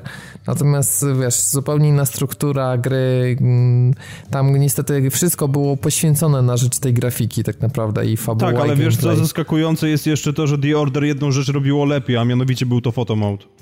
Tak, Zdecydowanie potwierdzam i zresztą zwracałem na to uwagę, jak mm, w podobnym okresie zdaje się ogrywałem The Order, co demko, później ten Uncharted Trylogii i od razu czuć, że, że nie jest to taki udany fotomode. Ja nawet bym powiedział, że e, chociaż nie, w Infamous to był podobny akurat jak w Uncharted, ale... Nie, nie, wiesz co, ja ci powiem tak, dla mnie, patrząc na te rozwiązania, które zostały zastosowane, z tym, że mhm. masz tą opcję dolej, nie wiem, czy robiłeś sobie krzywdę i grałeś po polsku, czy nie, ale kwestia jest taka, że e, to jest jeden do jednego kopia z The Last of Us i z Infamous. A w The Order 1886 była ta podstawowa różnica, że można było sobie kamerę dowolnie poruszać po scenie. Tak, i to jest po prostu mega różnica do fotek, na pewno yy, a yy, na pewno musiałem się z tym mierzyć nieraz, bo jak już mówiłem chłopakom przed nagraniem, yy, jeszcze gry nie skończyłem, a mamy już 180 screenów zrobione. Wszystko w, w, tym w PNG, więc fajnie, że można robić w wyższej rozdzielczości i któreś na pewno sobie ustawię na tapetę i podzielę się też nimi na grupie, bo, bo przyznam, że, że z paroma chciałbym się pochwalić, bo starałem się je wypieścić. Generalnie to, co mnie totalnie rozwala i co Photomode mi właśnie pokazał, że wiele e, lokacji to jest po prostu jak przeniesienie koncept artu w rzeczywistość. Bo wiele mhm. gier ma tak, tak, takie lokacje, że o, patrzymy na koncept arty pięknie, a później jak się to ogląda, jak już jest zaprogramowane, to już gdzieś ten artyst potrafi uci yy, uciec. A tutaj nie, po prostu szczególnie te, te lokacje w późniejszej części e, powiedzmy takie, wiesz, tropikalne, no, ogólnie mówiąc, on naprawdę rozwalają system. Przede wszystkim ta roślinność. No, e, ja nie wiem, jak oni to zrobili i może właśnie od tej warstwy technicznej zaczniemy, ale e, ilość tej trawy, tej liści uginające się, przecież nie wiem, czy zwracaliście uwagę na to, że w większości gier do dnia dzisiejszego, kiedy jest duża roślinność, to jakoś, nie wiem, 20 metrów od naszego bohatera jest łysa trawa i dopiero ona zaczyna się budować. No może mhm, no tak, tak, na tak, Ultra za GT, z GTX-em jakimś 9000, rozumiesz, to mają już mm, lepsze efekty, ale no do tej pory na konsolach jednak no kulała ta roślinność, a tutaj nie wiem jakim cudem jest to zrobione, że jedynie w momentach, kiedy szybko jedziemy samochodem gdzieś, to widać mm, to takie doczytywanie daleko w tle, a tak to po prostu widzimy rośliny prawie, że po horyzont, no wszędzie w lokacji, gdzie nie spojrzymy, to jest mm, jakby w maksymalnych detalach. Mnie to na przykład rozwaliło totalnie na łopatki. Nie, no to fakt, to fakt. Znaczy, generalnie trzeba powiedzieć, że bardzo fajnie balansują, e, bo nie wiem, czy zwróciliście uwagę, bo to, bo to czasami widać i, e, i to znaczy, to nie jest jakiś zarzut tak naprawdę, bo e, Uncharted oferuje jedne z najlepszych skyboxów, jakie, jak, jakie można było mm, doświadczyć w grach wideo i nie wiem, czy, znaczy tutaj mówię bardziej o może mm, już dalszym, da, dalszej części gry, czyli powiedzmy tak od połowy, od, od, połowy do, do, do, do znaczy to od drugiej połowy gry, e, jeśli mielibyśmy ją podzielić powiedzmy na dwie równe połowy. I tam jest po prostu coś tak fantastycznego, tak jak Robert mówi, czyli niesamowita e, jakaś roślinność, e, e, w której możemy się poruszać, wszystko elegancko reaguje i tak dalej. I to jest połączone z jakimiś naprawdę niesamowitymi widoczkami gdzieś tam dalej. Znaczy oczywiście jeszcze na drugim planie mamy takie miejscówki i elementy też bardzo fajnie wykreowane, do których możemy dojść bez problemu, tak, bo są one częścią tam gameplayu, są to elementy, w których możemy się wspinać i tak dalej, ale do tego są podpięte jeszcze takie właśnie, nie wiem, czy można nazwać to skyboxem, no nazywam, nazwę to skyboxem, skyboxy, które jeszcze uzupełniają jakby mm, te wizualia o te takie najdalsze elementy i wygląda to fenomenalnie e, i mimo, że widać, że to jest skybox, to, to, to, to mimo wszystko to się bardzo fajnie wspina w jedną taką e, całość.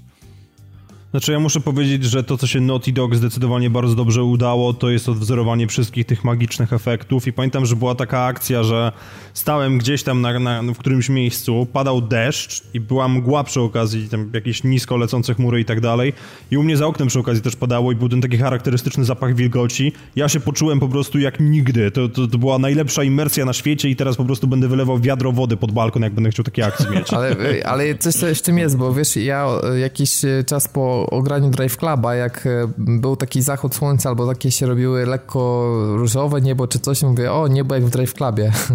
Więc... No ja jak się przeprowadzałem i właśnie kumpel mi pomagał, to mieliśmy taki wniosek, że jechaliśmy samochodem, wycieraczki pracowałem, mówię, mmm, pogoda jak w Drive Clubie w Szkocji. Ty, rzeczywiście. No, widzisz, to na szczęście nie jestem jedynym z rolem. I teraz mam wrażenie, że będę gdzieś patrzył i porównywał roślinność w Uncharted do tej prawdziwej. Nie, naprawdę, aż mam ochotę wybrać się do takie, wiecie, do jakiegoś kraju specjalnie, żeby porównać, czy, czy rzeczywiście rzeczywiście tam jest taka roślinność. To jest nie naprawdę no, rozwalające, ale przy, przy, realizm. No. To nie jest stylizowane. Trzeba im przyznać, tak, tak, że te tak. wszystkie efekty, one nie służą. To jest niesamowite, tak? Bo The Order na przykład ma wiele efektów, które jest stylizacja, tak? Gra wygląda niesamowicie, ale oni poświęcili realizm, przedstawienie wielu scen na, na klimat e, i z pewną stylizację epoki. E, Drive Club do tej pory był takim benchmarkiem właśnie dlatego, że, że wszystkie efekty graficzne są poświęcone pod maksymalny realizm i Uncharted również się w to wpisuje i to niesamowite, bo te efekty naprawdę nie są dla efekciarstwa, tylko one są dlatego, żeby przedstawić wszystko właśnie ultra realistycznie. Mhm, to znaczy to może się nie dzieje przez całą grę, ale trzeba przyznać, że jest kilka takich miejsc, można by było spokojnie tutaj wymienić, gdzie, y, gdzie Naughty Dog podkręca wszystko powiedzmy na 11 i y, wiecie, zawiewa wiatr z której strony i to czuje czuć, że rzeczywiście, że on z której strony wieje, ta roślinność zaczyna się uginać pod naporem tego wiatru, albo zaczyna padać deszcz i krople dosłownie zaczynają spływać po tych wszystkich liściach i naprawdę robi to fenomenalne wrażenie. Czuć, że to nie jest e, jakby e, tylko i wyłącznie tak wyreżyserowane, e, wiecie, w danym konkretnym miejscu, tylko czuć, że rzeczywiście tam z, każdej, z każdego kierunku działa jakaś fizyka i, i, i ktoś rzeczywiście tam włożył masę pracy, żeby, żeby te wszystkie zębatki razem bardzo fajnie współpracowały. No, no efekt to znaczy, jest fenomenalny. Tak, mhm. a, propos, a propos fizyki, to no oni, oni się wspięli na jakieś chore wyżyny, ponieważ Drake ma włosy na klacie, które są poruszane wiatrem, to jest raz, a dwa, że odnośnie, odnośnie masy pracy, otwarte lokacje, po których jeździmy samochodem, ja nie wiem, ile osób nad tym dłubało i ile roboczo godzin w to poszło, ale efekt jest tak cholernie powalający. Jeszcze razem z tym błotem, które po prostu jest jak wyrwane z Motorstorma i podkręcone na 11, no o, Tak, to jest po prostu genialne. to, jakbyśmy dostali takiej na mechanice Drive Cluba jeżdżenie po błocie, to, to właśnie to by tak wyglądało jak w Uncharted.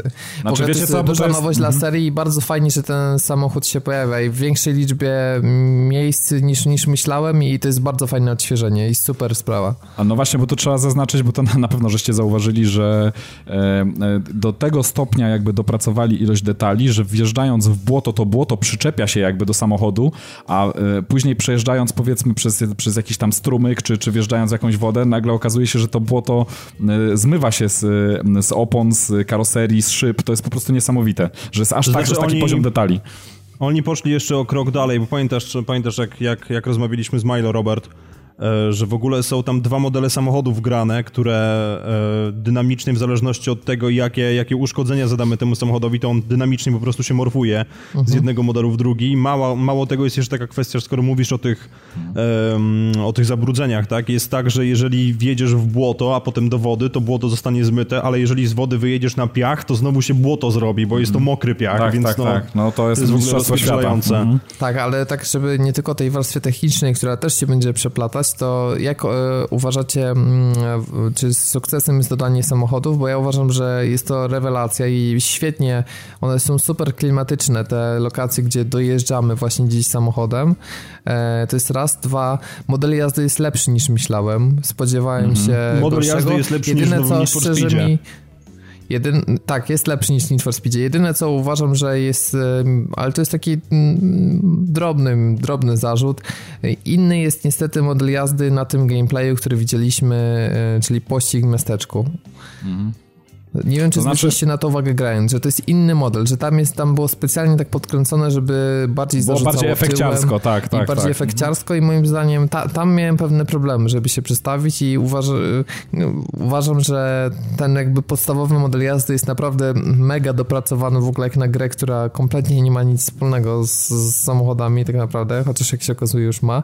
Natomiast tamten był trochę przeefekciarsko znaczy, robiony. Tak, stonowali trochę, tak, rzeczywiście, to, to, to rzeczywiście czuć, jak się tak e, przypomni, jak to wyglądało na tym e, trailerze, który, który żeśmy oglądali na 3. Ja wam powiem, że mnie, e, znaczy sam model jazdy, modelem jazdy, oczywiście tutaj jest, jak najbardziej zasługuje na pochwałę i w ogóle wprowadzenie samochodu do serii, to był genialny pomysł, ale ja bym dwa, dwa aspekty tutaj um, podkreślił, które, które absolutnie zafundowały takie opad szczęki, że, że, że, że jak mało co w zasadzie w całej grze, czyli wykorzystanie wyciągarki i w ogóle cała fizyka związana z linką, z elementami, do których przyczepiamy e, i to w jaki sposób można wykorzystać to, bo to nie chodzi tylko tak naprawdę o podjeżdżanie e, tym, tym, tym jeepem w jakieś tam powiedzmy niedostępne miejsca, ale możemy również tutaj, znaczy spoiler, spoilera żadnego nie będę robił, ale z Piotrem rozmawialiśmy też przed odcinkiem, można na przykład wykorzystywać e, tą mechanikę do, do dostania się w niedostępne normalnie jakieś tam miejscówki i, i odkrywanie sekretów, co jest też fantastyczne, to jest po prostu mistrzostwo świata.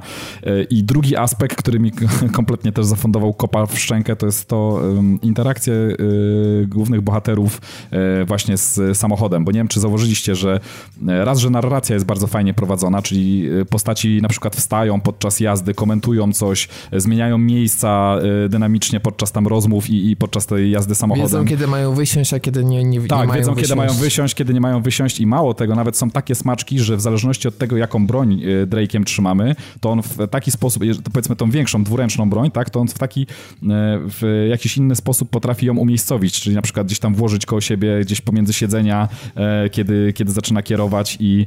E, czy, uruchamia czy, silnik też za każdym razem. Uruchamia i silnik i mało tego i, i jeszcze luzacko trzyma um, płasko dłoń na kierownicy, kręcąc nią na przykład, e, kiedy robimy jakieś manewry przy mniejszej prędkości. No to jest po prostu, no tam jest tak na, nawalone tak, smaczków, że na każdym kroku, że... na wstecznym, ten charakterystyczny. Tak, tak, tak, tak, tak. To jest Także po prostu tak rewelacja. No. Ale nie wiem, to, czy zauważyliście też taką mechanikę, która mi się szalenie spodobała i to jest rzecz, której brakuje w GTA i mam nadzieję, że Rockstar uważnie się przyjrzy i to doda. Prosta rzecz, a genialna po prostu. Nie wiem, ile razy mieliście w grach taki przypadek i mnie zawsze to irytowało, kiedy na przykład jest, słuchacie w samochodzie jakiegoś zajebistego dialogu, po czym dojeżdżacie do celu misji i postać przerywa to, co mówi, ponieważ zaczyna się gadka na temat misji. I w tak, Uncharted jest to zrobione mówisz, tak, tak no. zajebiście, że jeżeli zrobimy coś związanego z misją, to za chwilę postać powie, a o czym to ja mówiłem i zaczyna wracać od tego miejsca, gdzie się przerwało. No to ale... mnie po prostu tak zrobiło, to jest mega zajebista rzecz. To jest super sprawa, ale... Prosta, a zajebista, naprawdę, to jest, mega. To...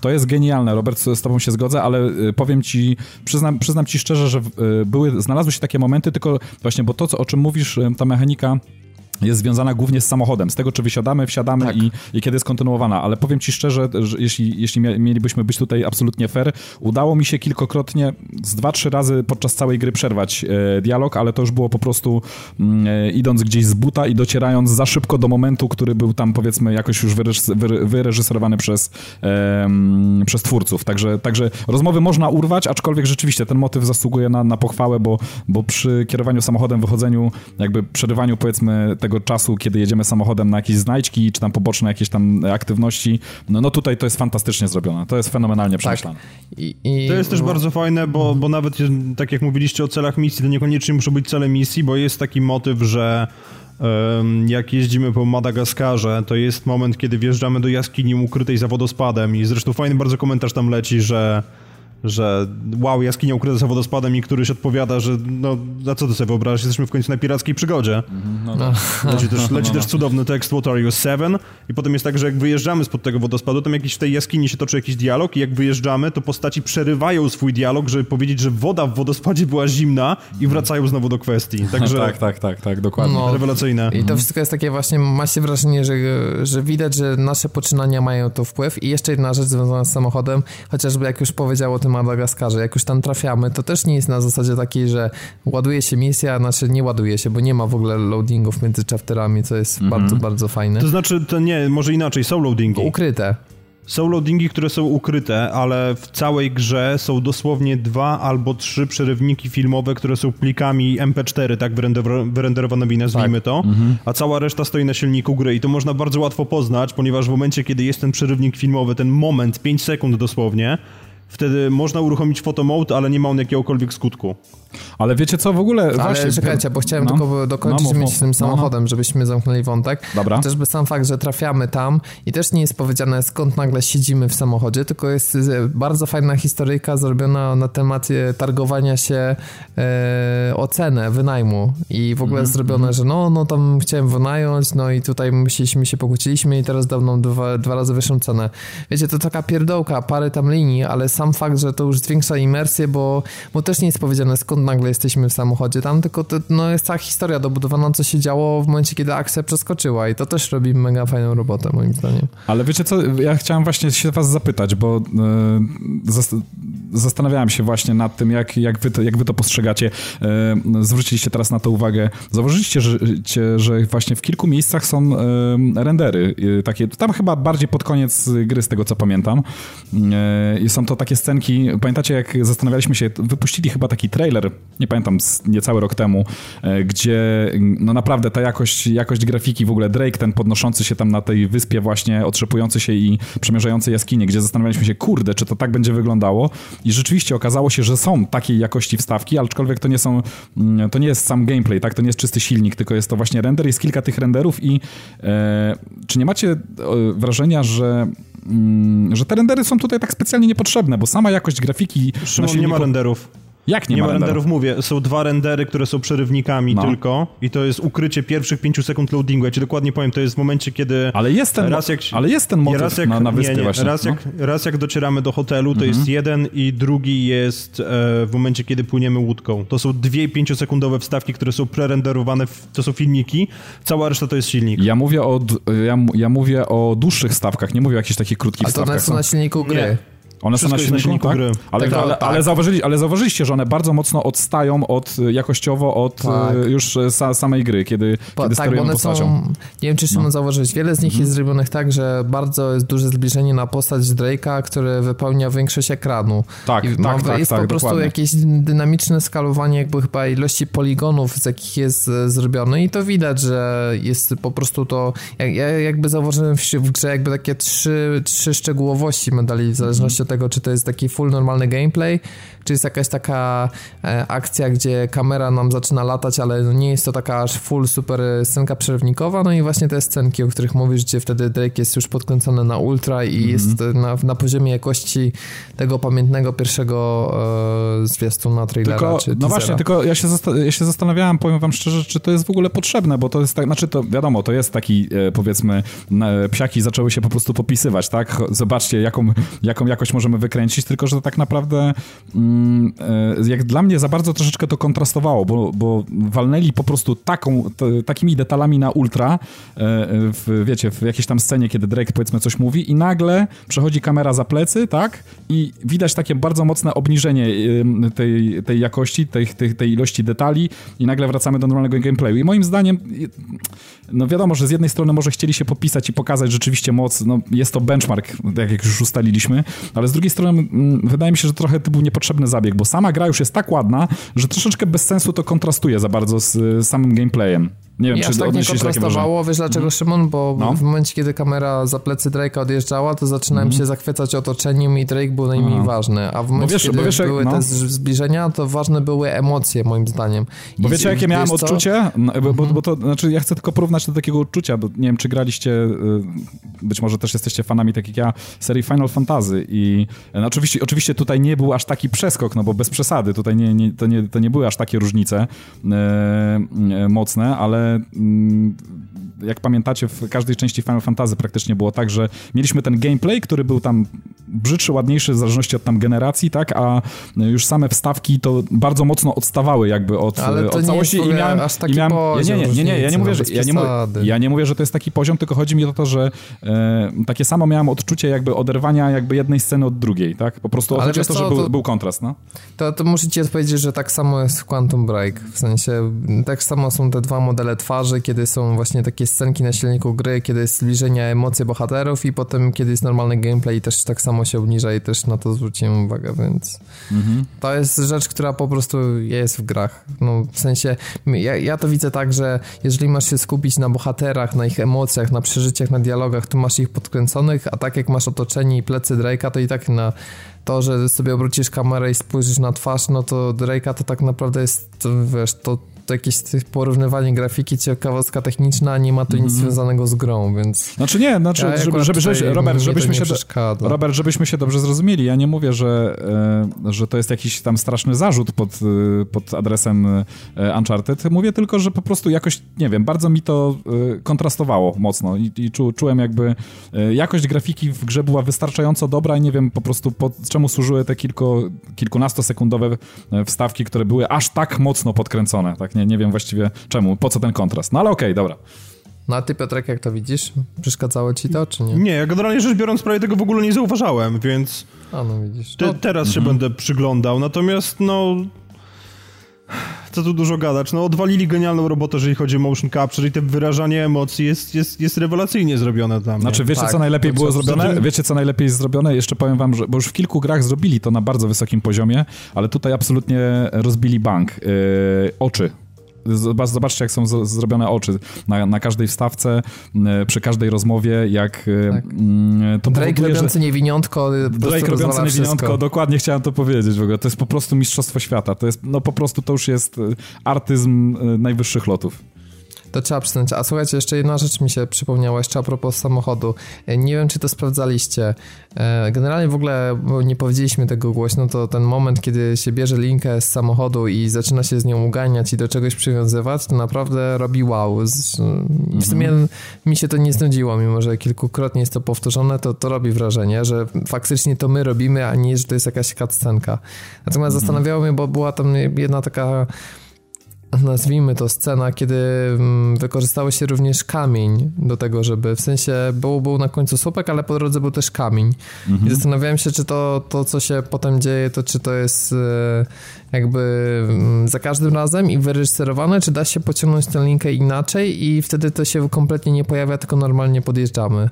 To ja ci odpowiem, że jest to bezczelny skrypt i sprawdzałem to cztery razy póki co. A, no bo tak, właśnie no, nie zdążyłem tego sprawdzić i bardzo mnie to zaciekawiło, czy, czy da radę to zrobić inaczej. Znaczy prostu, ja wam nie? powiem tylko tyle, y, no, bo mm, e, op, znaczy, że tak powiem, odchodząc troszeczkę od tych zachwytów nad, nad, nad Uncharted, to była rzecz chyba taka naj, najbardziej kująca mnie w oczy, czy czyli y, tych skryptów jest dosyć dużo. Ja wiem, że to buduje filmowość, oczywiście, jak najbardziej i tylko w taki sposób chyba można zbudować tą taką, mm, e, taką filmowość, którą lubimy chyba i w, i w filmach, i właśnie, i, znaczy w grach, i w, e, w jakichś tam mediach generalnie, gdzie chcemy oglądać jakieś super efekciarskie akcje, e, ale zauważyliście, że bardzo dużo jest takich właśnie momentów, gdzie naciskamy jakiś przycisk i generalnie patrzymy po prostu na jakiś skrypt i nawet, nawet walki zdarzały się, które też są fenomenalnie wyreżyserowane, ale mm, takie miałem odczucie, że specjalnie dużo nie musimy tam tak naprawdę robić. To jest, ograniczało się Akurat, do mechanika no? walki uważam, że jest jedną ze słabszych rzeczy mhm. w Uncharted. Znaczy, może nie słabych, żeby nie było jasne, bo gra trzyma rewelacyjny poziom na dalszym ciągu, ale mhm. e, mi osobiście strasznie brakowało kontry.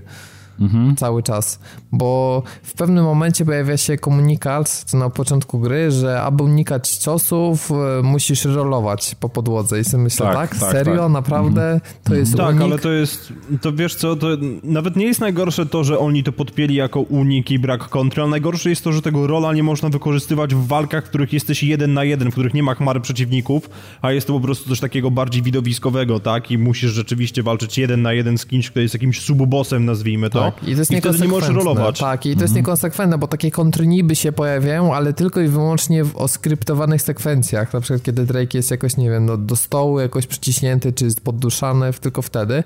I uważam, że E, by ciekawsze były te walki, gdyby właśnie były mniej skryptowane, więc jeżeli gdzieś no tak, tak, mówi, tak. że te skrypty mhm. przeszkadzają właśnie, no to ja uważam, że w tych walkach wręcz to faktycznie tak.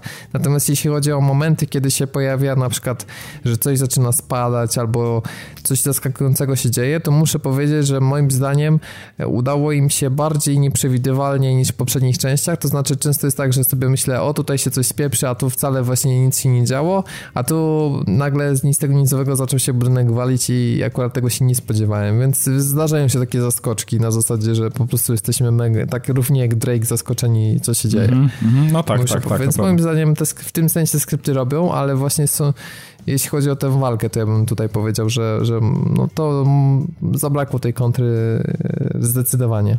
Natomiast jeśli chodzi w ogóle o to, co jest osią mechaniki, to to nie jest takie do końca typowe Uncharted, bo moim zdaniem jest tego strzelania mniej niż w poprzednich częściach.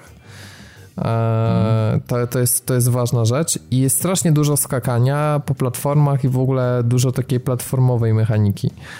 No aż za dużo moim zdaniem. E, powiem wam szczerze, że to mnie bardzo mocno zdziwiło. Znaczy, że była jasność tam, powiedzmy przed... Yy, tak uważam, tak jest moje zdanie, nie wiem, czy się zgodzicie ze mną, że przez pierwsze, powiedzmy, nie wiem, 10-12 chapterów tak naprawdę specjalnie tego nie odczuwamy aż tak mocno, tak? Bo no, mimo, że tam jest może dużo tego skakania, to, yy, to takich innych y, elementów gameplayowych jest też dosyć dużo i, y, i nie czujemy jeszcze takiego y, może przesytu, ale powiem wam szczerze, że pod koniec gry, jeśli miałbym być szczery, to już czułem taki troszeczkę przesyt tym wspinaniem się, znaczy takim przeplotem w kółko kilku mechanik, tak? Czyli właśnie wspinaniem się głównie, do tego tam bujaniem się na lince, zjeżdżaniem na tyłku i, i, i podsuwaniem jakichś skrzyń, czy, czy podnoszeniem jakichś elementów, żeby móc się przedostać do, do następnej lokacji. I to tak jakby ja, ja, rozumiem, że każda gra na tym polega, że tam mamy jakiś konkretny wachlarz mechanik i, e, i, i, tak naprawdę nic poza tym wachlarzem no, nie możemy w, danej grze zrobić i, i, każda gra jest tym ograniczona, ale, ale tutaj już czułem troszeczkę przesyt. Za dużo było, za, za mało jakby było e, zbalansowane, e, zbalansowane te wszystkie mechaniki, tylko szliśmy cały czas jakby takim, takim kombem, tak? Czyli spinamy się, linka, zjazd na dupie, linka, podnosimy, tam przesuwamy skrzynkę, linka, znowu znowu zjeżdżamy na tyłku, znowu się wspinamy i tak w kółko, w kółko, w kółko. W pewnym momencie po prostu już czułem e, trochę znużenie. Nie wiem, czy się ze mną zgodzicie. Dla mnie ta linka była największym problemem. Znaczy, to Bo... chyba jej fizyka. tak, tak. Nie, przede wszystkim chodzi o to, że po prostu raz, że ten patent, to, to jest trochę jak Batmobile w Batmanie Arkham Knight, że mhm. okej, okay, mamy coś, z czego jesteśmy dumni i będziemy to wpieprzali absolutnie w każdy możliwy moment. Mhm. W związku z czym tego bujania się na lince było za dużo i nie byłoby to takie złe, gdyby Szymon, tak jak powiedziałeś, nie było tej fizyki.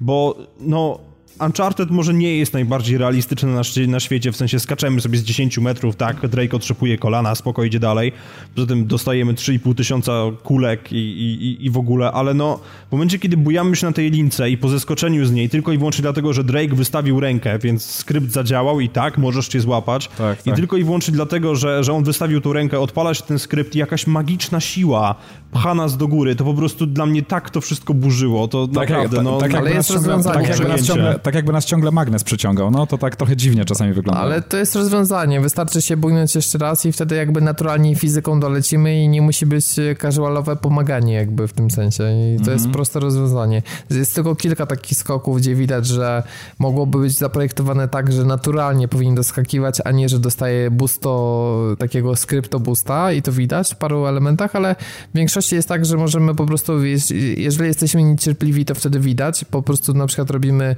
pierwszy zamach na lince i już wystawia rękę, no to odruchowo klikamy i wtedy jest taki efekt, a ja specjalnie, żeby mi, żeby było bardziej realistycznie, to robiłem jeszcze drugi zamach i wtedy po prostu jakby naturalnie dolatywał i tego efektu boosta już nie było, bo on się nie włącza, jeśli nie, nie potrzebuje.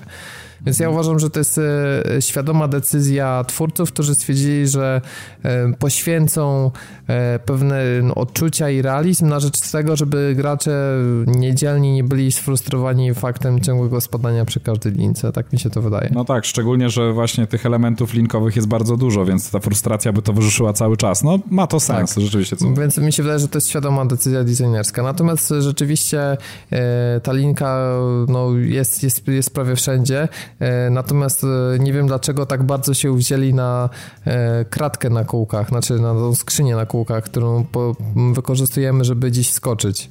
Trochę jak, tro, trochę jak w Last of Us, właśnie chciałem to powiedzieć, no, że trochę jak no, w Last of Us. No, ale trochę, trochę to jest na, na siłę i, i generalnie uważam, że znaczy pewnie to memy znaczy, jakieś powstaną z, z ja, tego tytułu. Ja, to akurat mechanika, która mnie jakoś tam niespecjalnie znaczy ja, ja, ja, ja mógłbym stanąć w obronie nawet tego, ja to, że tak powiem, troszeczkę zhejtowałem to tak samo, bo mnie to też troszeczkę irytowało i, i pisałem o tym na, na naszej grupie, ale powiem wam, że ja mógłbym stanąć w obronie nawet, mógłbym to obronić, jakby tą mechanikę, tylko gdyby psiaki mm, poszły troszeczkę o krok dalej i zafundowałyby nam e, jakby inny rodzaj tych przedmiotów, które my potrzebujemy mm, gdzieś tam przesunąć, żeby, żeby po nich wejść, powiedzmy, A, gdzieś tak, się dostać, tak? Żeby to nie było ciągle ta sama skrzynka na tych samych kołach. Na przykład przykład jakoś, którą tak. przynosimy.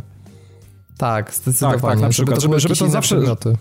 Żeby było to urozmaicenie, tak, bo, bo trochę to było dziwne, że wiecie, jeździmy po całym świecie, po różnych regionach, y, y, tam po różnych miejscach i, i, zawsze wszędzie, w każdym miejscu spotykamy tą samą skrzynkę na tych samych kołach. No to było troszeczkę takie te wybijające z imersji. Ale wiecie co? Słuchajcie, no, ja jeszcze, ja, jeszcze, jeszcze, jeszcze chciałem jedną rzecz o wspinaniu. No.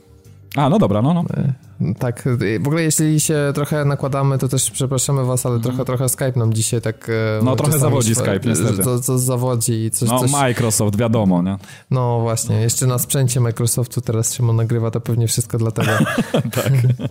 E, w każdym razie Assassin's Creed zawstydzony, bowiem mechanika, która została tu zaprezentowana, czyli jeżeli Drake ma miejsce, na którym może się podwiesić w zasięgu ręki, to po prostu łapie to automatycznie przy przesuwaniu gałki, ale sam też fakt, że my jakby możemy tą gałką ruszać ręką i jakby specjalnie trafić e, jakby w, w, na dobry bloczek kamienny wystający jest po prostu mega i tak, to szczególnie to było widoczne przy takim etapie, gdzie były śliskie skały, bo jakaś woda spadała z góry i musieliśmy dobrze trafić, żeby nie spaść.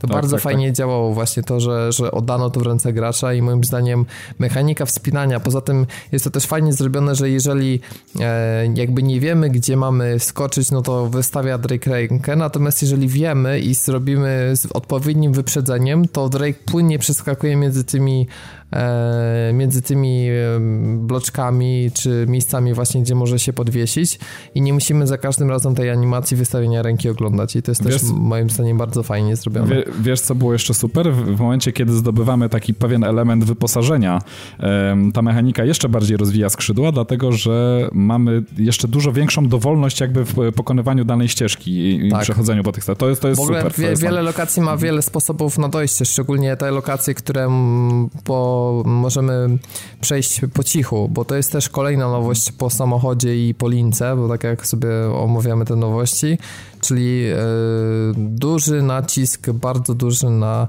skradanie się.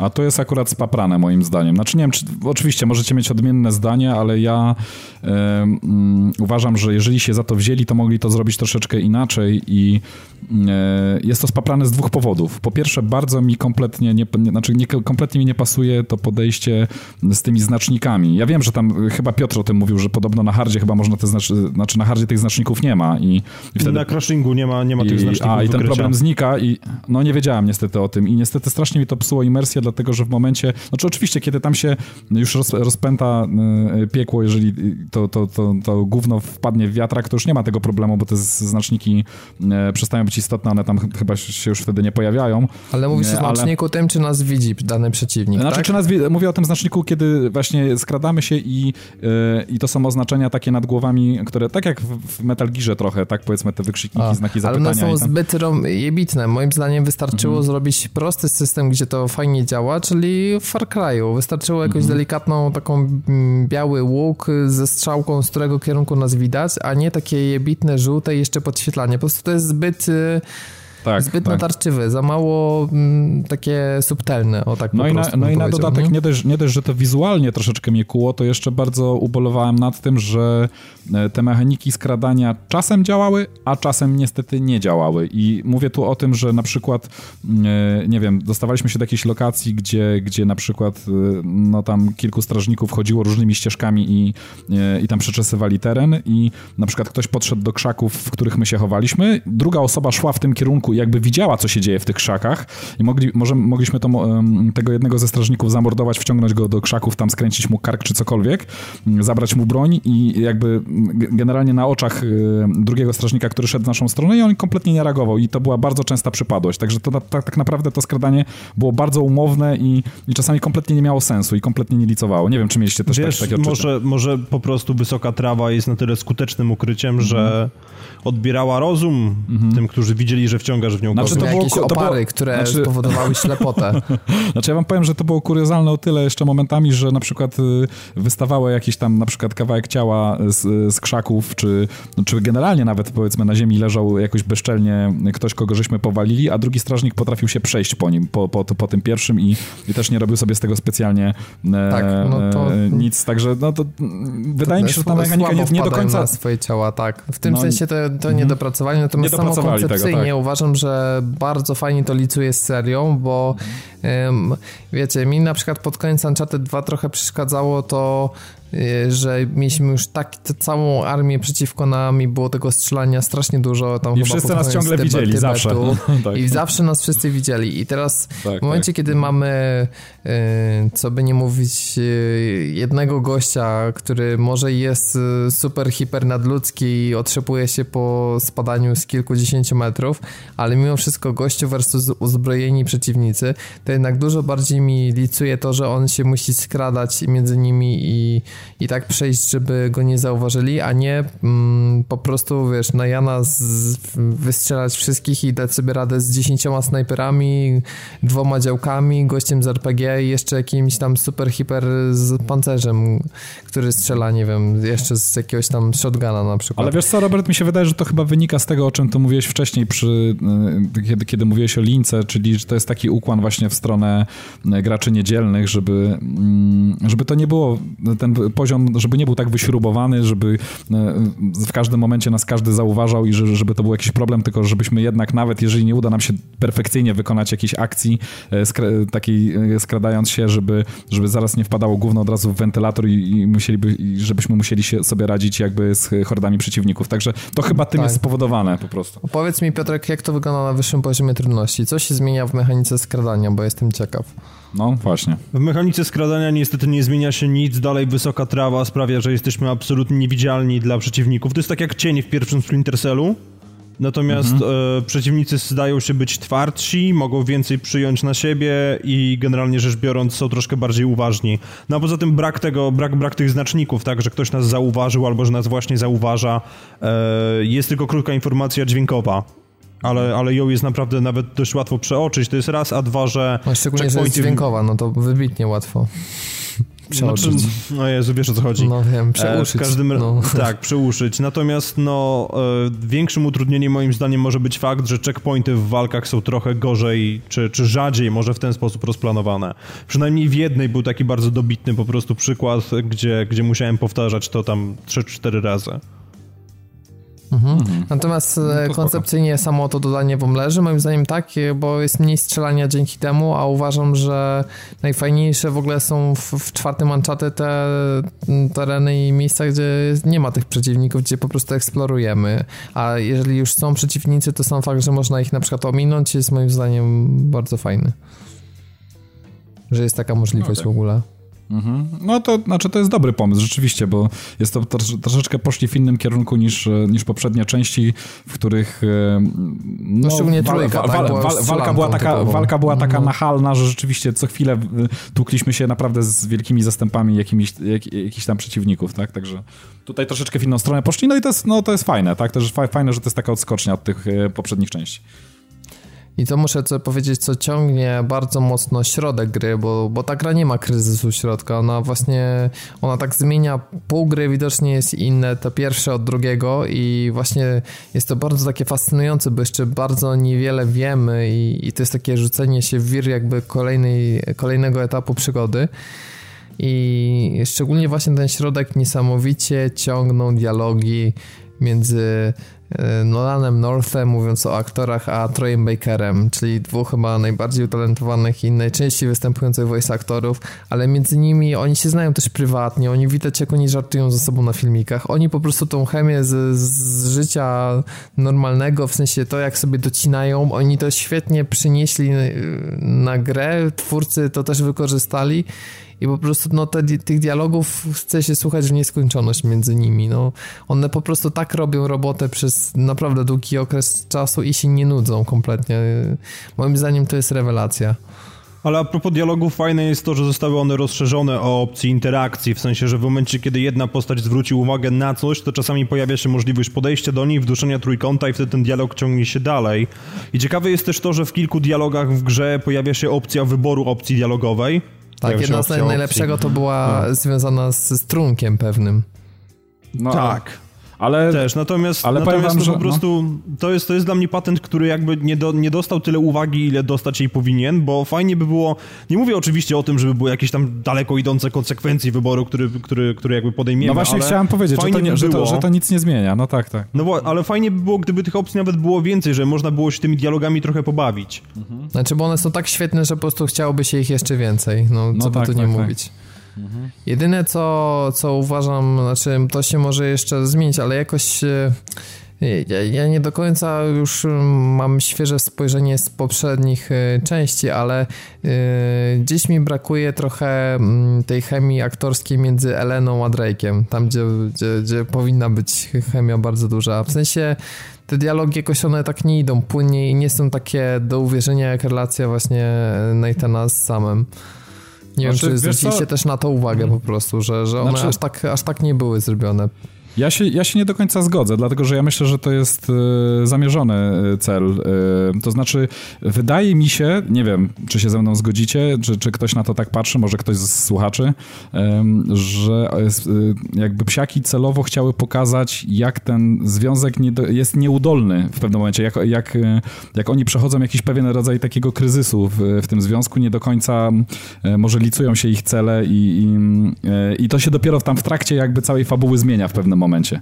Także myślę, że to jest zamierzone, że, że czyli od takich nieudolnych y, tekstów i jakiejś takiej braku, braku takiej chemii do, mm, do w końcu momentu, kiedy ta chemia się pojawia, bo nie wiem, czy Robert, ty, czy już jesteś w tym momencie, ale, ale tam... W, no właśnie w, jestem i dlatego właśnie Ale w końcu ta chemia się... Mhm, no, no, i właśnie o to chodzi, że jakby mów, mówię o tym całym, o całym budowaniu, wiesz, bo jestem mhm. w tym momencie i dlatego, bo jakbym był tylko na tym fragmencie, tak jak mówisz, zamierzonym, to bym się nie wypowiadał, bo też bym myślał, że to jest tak mhm. konieczne. No ale właśnie ten, ten sposób budowania aż tak mnie, aż tak mnie nie kupił. Nie kupił cię, aha, okej, okay, no. no i cóż, no uważam, że mimo wszystko, chociaż nie jest to absolutnie jakaś zła robota, broń Boże, ale to kwestia po prostu może, nie wiem, no voice aktorki, która wciela się w Elenę, no mogła z siebie mhm. wydobyć dla mnie trochę więcej po moment, prostu. Moment, moment, moment. Od Emily Rose to ty wara, bo ona jest bardzo ładna. No dobrze, ale no, ja teraz mówię widzimy, o jej ale... talencie głosowym hello. Jezu Chryste, spróbuj zażartować przy człowieku o płynnych przejściach. No ale no powiedz, czy zgadzasz się z tym Piotrek, co powiedziałem, czy... czy Wiesz co, nie do końca się z tym zgadzam, bo pamiętając charakterystykę Eleny i fakt, że ona przez lwią część dwójki i trójki w ogóle znika, plus e, naturę jej relacji, nazwijmy to, e, w czwórce, to, do czego tam dochodzi, nie wiem, czy zwróciłeś na to uwagę. Nie chcę o tym mówić ze względu na to, że może to być uznane jako spoiler, ale przez naturę jej relacji i fakt, że Drake może nie do końca jest z nią uczciwy, to wydaje mi się, że to jest bardzo naturalne i ja absolutnie nie mam jakichkolwiek zarzutów pod tym kątem. Znaczy, ja wam powiem... Takie, ja, ja... personalne mm -hmm. no, odczucie, no, a ty ja, ja, Znaczy ja wam powiem, znaczy no, a propos Eleny to już się wypowiedziałem, ale generalnie chcę, mm, chciałbym zaznaczyć, chyba też już o tym napisałem na, na, na grupie, że, znaczy bez spoilerów absolutnie, ale mm, tutaj jest, mamy taki podział na jakby dwa wątki, tak, bo jeden wątek to jest rodzinny, drugi to jest wątek ten poszukiwania skarbu, nazwijmy go tak, i powiem mhm. wam, że tak jak jeden wątek absolutnie mnie kupił, od początku do końca, bo wszystkie te relacje rodzinne mm, Natana z Samem, e, czy, czy, czy właśnie z Eleną, e, mówię, no tam kwestia gry aktorskiej to już kwestia dyskusyjna, no jak widać jednym się podoba, drugim nie. E, ale generalnie ten wątek cały rodzinny e, i, i, i, relacji tych e, wewnątrz tej jednej wielkiej rodziny jest fantastyczny I, I, mówię, tutaj jestem kupiony, dla mnie to jest Mistrzostwo Świata, jak dla mnie to jest jeden z lepiej napisanych wątków. Szczególnie e, to tak, rozszerzenie o przeszłość Drake'a, tak, to jest, tak, to, tak, to tak, jest tak, rewelacja absolutna. To jest super, to jest super. Tak już sam wydawałoby się główny ten motyw przygodowy, ten napędzający, który wydawałoby się miał, który miałby napędzać tą całą historię, jak dla mnie jest to dość słaby element element I, i powiem wam, że nie kupuję tego i powiem wam, że momentami aż wręcz czułem zażenowanie, szczególnie w takich momentach, kiedy jesteśmy po raz y, kolejny odsyłani znowu do, do, do, kolejnego miejsca i y, umotywowanie tego było takie mm, no dość słabe. No, no, nie kupiłem kompletnie tego i powiem wam, że ten, ten wątek mi kompletnie zwisał już w pewnym momencie. A ja się kompletnie z tym nie zgadzam, bo ostatecznie kurczę gramy w Uncharted i chcemy poszukiwać tych skarbów i właśnie taka, takie podejście jako do kliszy takiej typowej, że no tu jakiś skarb piratów, że właśnie, że zwodzenie za nos, to wszystko znamy właśnie z, z, tego typu gatunku i uważam, że to jest takie piękne sięgnięcie do takich y, podstaw gatunkowych, takie właśnie wiele rzeczy, które są pisane palcem na wodzie, czy jak to tam właśnie mm. się mówi, no takie że naciągnięcia typowe, momentami niedorzeczności, ale wokół tego owiana bardzo fajna e, tajemnica, moim zdaniem e, rozszerzenia też tych listach y, jest opcja mocno wsięgnięcia głębiej w, w tę fabułę i, mhm. i zastanowienia się. W ogóle mnie to też ciekawi, na ile, na ile rzeczywiste są te postaci piratów. Nie wiem, czy któryś z was się e, ktoś z was nie, się nie, ja zastanawiał. Się to znaczy nie, ale wiesz co, ja ci, ja ci Robert tych, może... Tych, których szukamy. No a w każdym razie ja, ci... y, ja ten, ja, ja nie sprawdzałem, ale mi na przykład cały ten wątek jak najbardziej kupił i podobało mi się. To znaczy, ja wiesz, to wiesz, wiesz, co mi się najbardziej nie, nie podobało tak naprawdę, co mnie denerwowało? Znaczy ja rozumiem, że to jest gra, że, że, że, że mamy się tylko dobrze bawić i, i muszą być jakoś uwarunkowane te, te, te motywacje e, głównych bohaterów i tak dalej. I, i w grze niekoniecznie to musi być jakoś tak tak odwzorowane realistycznie, że, że to nie, nie do końca o to chodzi, ale momentami to było troszeczkę głupie, bo powiem ci szczerze, że y, na przykład y, tak porównując, w sumie to też gra Action Adventure, wydaje mi się, że Tomb Raider na przykład zrobił to dobrze. Znaczy zrobił to dobrze w sensie um, umiejscowił akcję i czas jakby w obrębie jakby jednego, jednej wielkiej lokacji, tak? I gdyby Mówisz to o samo... tej pierwszej części, tak?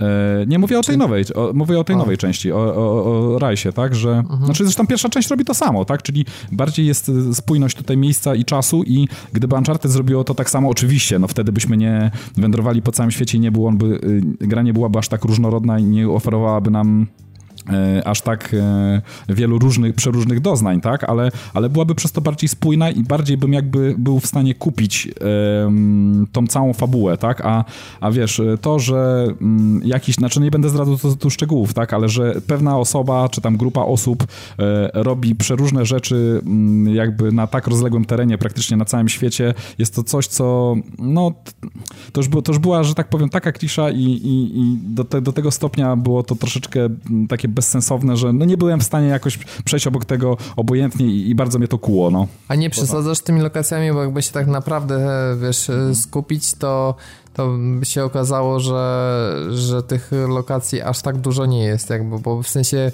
fizycznym te lokacje są e, rzeczywiście oddalone, ale nie... No aż za bardzo, jak dla mnie. No. Ale właśnie, wiesz, jedna jest niedaleko drugiej, też zwróć uwagę, nie? Te, te, te mhm. ważne, one nie są tak, e, tak od siebie znowuż oddalone i moim zdaniem, wiesz, nawet jak na możliwości statków wtedy pomijając, że to oczywiście jest wiele rzeczy naciąganych, to mi się to podoba, że cały czas właśnie jest, e, jest to powiązane one, bo wiecie, mogli zrobić taką fabułę na zasadzie, że, mm, e, że znajdujemy skarb w jednej trzeciej gry, a potem mamy fabułę, że ktoś nam skarb zabiera i potem musimy go odzyskać na przykład i to jakby ma kolejne rozdziały ta historia. Natomiast to, że jakby cały czas jest właśnie dążenie za tym jednym głównym wątkiem takim przygodowo właśnie skarbowo-pirackim, moim zdaniem to mm, też znowuż jest sięgnięcie do korzenia, e, do korzeni gatunkowych i moim zdaniem to robi bardzo fajną robotę i mi na przykład się to bardzo podoba.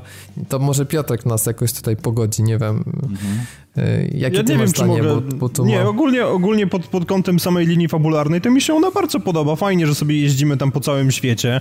Jest to oczywiście trochę odrealnione i, i, i trzeba było mieć naprawdę fajne zasoby finansowe, żeby takie rzeczy robić, ale generalnie rzecz biorąc ja nie mam nic przeciwko temu i mi się to osobiście podoba. Ja mam większy problem z designem postaci, szczególnie jednej bardzo konkretnej postaci w tym wypadku, ale to nie wiem, czy będziemy o tym mówić, czy... Chociaż w zasadzie nie, to nie, to nie jest spoiler, tak? To jest po prostu kwestia zaprojektowania tej postaci. Konkretnie mówię tutaj o Nadine tej całej. Mhm. Mnie po prostu ogromnie irytuje fakt, że to mi się wydaje jest postać stworzona po to, żeby połechtać ego ludzi z poligonu, którzy by się przypieprzyli, że nie ma jednej wystarczająco mocnej e, postaci kobiecej, że Elena jest taką troszkę kurą domową, tam się niby pojawia, ale no nie, nie, ma, nie ma takiego wykopu, natomiast tutaj po prostu mamy do czynienia z babą, która mi osobiście ogromnie działała na nerwy, bo ja rozumiem przeszkolenia i inne tego typu rzeczy, ale w momencie, kiedy stawiasz kobietę do walki z dwoma rosłymi facetami, którzy wspinają się po skałach i strzelają do najemników i ona kopie im dupę, no to sorry, ale to jest dla mnie po prostu lekkie przegięcie. Znaczy ja ci powiem, że ja, znaczy ja wam powiem, że generalnie mnie bardziej irytował Rave i on był hmm. jak dla mnie zbyt płaski i, i mało wyrazisty i... Nie, Rave, Rave był dla mnie dokładnie taką postacią, jak powinien być. Od momentu, kiedy go zobaczyłem, miałem ochotę mu walnąć mordę. No to, I to, znaczy, to, jest, to, to jest design godny Joffreya znaczy, z bycie, gry o tron i to jest to. Znaczy bycie dupkiem, bycie dupkiem dupkiem jakby mm, tutaj było, udawało mu się tak wykreować, te, e, znaczy udało się wykreować taką postać takiego dupka i jak najbardziej się z tym zgadzam, ale on był jak dla mnie mm, e, jakby, no ta wykreowana postać była zbyt mało atrakcyjna, ona była zbyt mało wielowymiarowa i taka, taka zbyt płaska i taka zbyt przewidywalna. I, i w przeciwieństwie do ciebie Piotrek mi się Nadine akurat bardzo podobała. I powiem wam szczerze, że ja wolałbym, żeby ona była jakby e, tym głównym złym i i, i, i, I nawet, żeby podkręcili ją jeszcze, jeszcze troszeczkę bardziej, żeby była jeszcze bardziej bezwzględna, bardziej brutalna i bardziej silna i bardziej nieprzewidywalna niż, niż to zostało zrobione. Dla mnie to, to jest bardzo fajna postać, także ja, ja akurat ja akurat polubiłem tą postać. To, to, to, był, to był dobry strzał według mnie, psiaków. Nie, nie wiem na ile wiem, to jest rozbudowane, jeżeli jeszcze nie widziałem, ale ja uważam, że powinna być jeszcze bardziej zarysowana ta relacja między tymi właśnie głównymi złymi. Uważam, że trochę za mało miejsca. Ja wiem, że, że tutaj nie oni mieli skraść show, ale trochę mogli więcej niż dosłownie tam kilka minut poświęcić, dlaczego oni zdecydowali się, się współpracować ze sobą w ogóle. Uważam, że, że to, to trochę mogło być bardziej rozbudowane. To akurat taki, taki zarzut drobny. Natomiast e, e, no summa summarum, no to tak jak zacząłem o postaciach, no show tutaj robi sami Drake, no nie, nie ma co się oszukiwać, że to co zrobili w tych dialogach, no to rozwala absolutnie system i mnie zaskoczyło to, że większość czasu gry jednak pokonujemy z, z kompanami za każdym razem. I to jest uważam, że też rewelacyjna sprawa, bo jednak e, to, że możemy nie tylko skupić się na tym skakaniu i platformingu, ale to, że mamy cały czas te dialogi, to właśnie też odwraca naszą uwagę od tego, że mamy kolejną linkę, kolejne coś tam, jakieś zapadki mhm. do przestawienia, czy, czy coś do zrobienia, bo to w jaki sposób oni komentują, to po prostu no, uprzyjemnia mega rozgrywkę i moim, bardzo mo mi się podoba.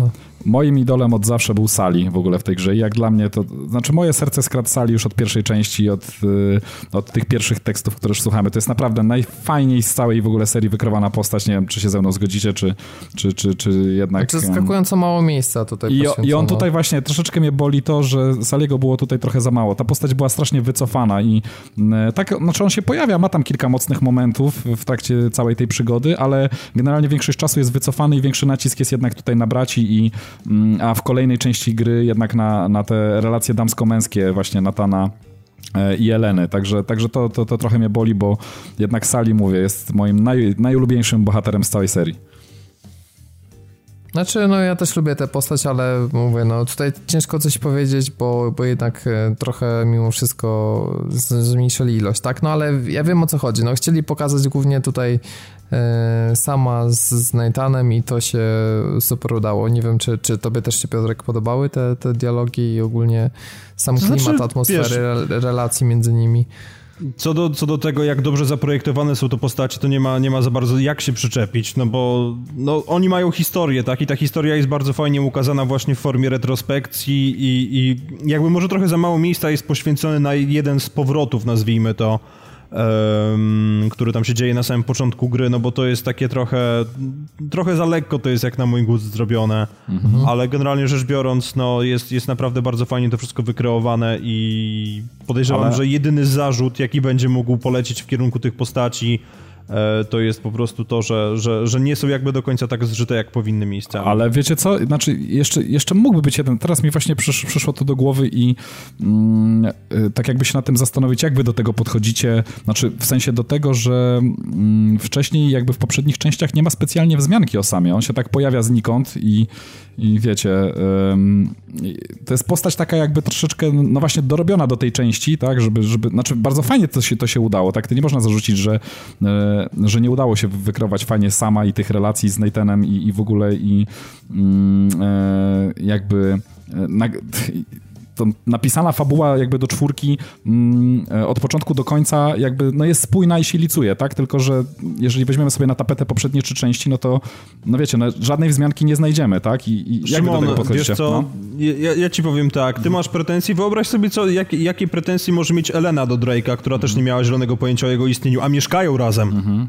No słusznie, słusznie. Więc, więc ona, ona to w ogóle musi mieć na tym, na tym koncie, na tym punkcie fioła. Bo wiecie co, tak mi Natomiast, przyszło, tak, znaczy no. ja tylko chcę dokończyć, tak mi przyszło to do głowy, bo e, w trójce, o ile pamiętam, to w trójce było, e, był już motyw e, z sierocińcem i tam, tylko tam były mocniej właśnie chyba podkręcane te relacje z Salim, tak, i, i który jakby wziął pod skrzydła młodego Nathana i mm, Czyli motyw sierocińca jakby nam się przewija, ale, ale sama, sama tam nie było z tego, co pamiętam. Tak? Nie, nie, nie było jakiegoś takiego znaku, że ktoś taki się pojawi.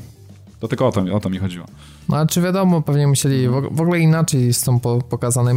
Znaczy w trójce to już był trochę nacisk na to, żeby bardziej ludzką stronę Drake'a pokazać, a nie tylko mhm. Tego śmieszka typowego i tu, tutaj jeszcze udało się jeszcze bardziej to zrobić. Jest zdecydowanie większy wachlarz emocji. Moim zdaniem e, zmiana na, na stanowisku głównego scenarzysty dobrze zrobiła tej części i tak jak się zastanawialiśmy, bo zawsze Naughty Dog starało się jednak robić trzy części i kończyć, to ja uważam, że bardzo dobrze, że Uncharted 4 jednak powstało i to pokazało właśnie te postaci właśnie tak jak, no brakowało jeszcze takiego kolejnego rozdziału, żeby to wszystko jakoś spiąć i te, teraz jako cała seria moim zdaniem to już się, już się broni. Możesz mówić, że nie było jakichś zmianek we wcześniejszych częściach, ale uważam, że to jest idealna klamra, która Naprawdę no, znaczy... bardzo fajnie, że, że, że powstała i pokazała.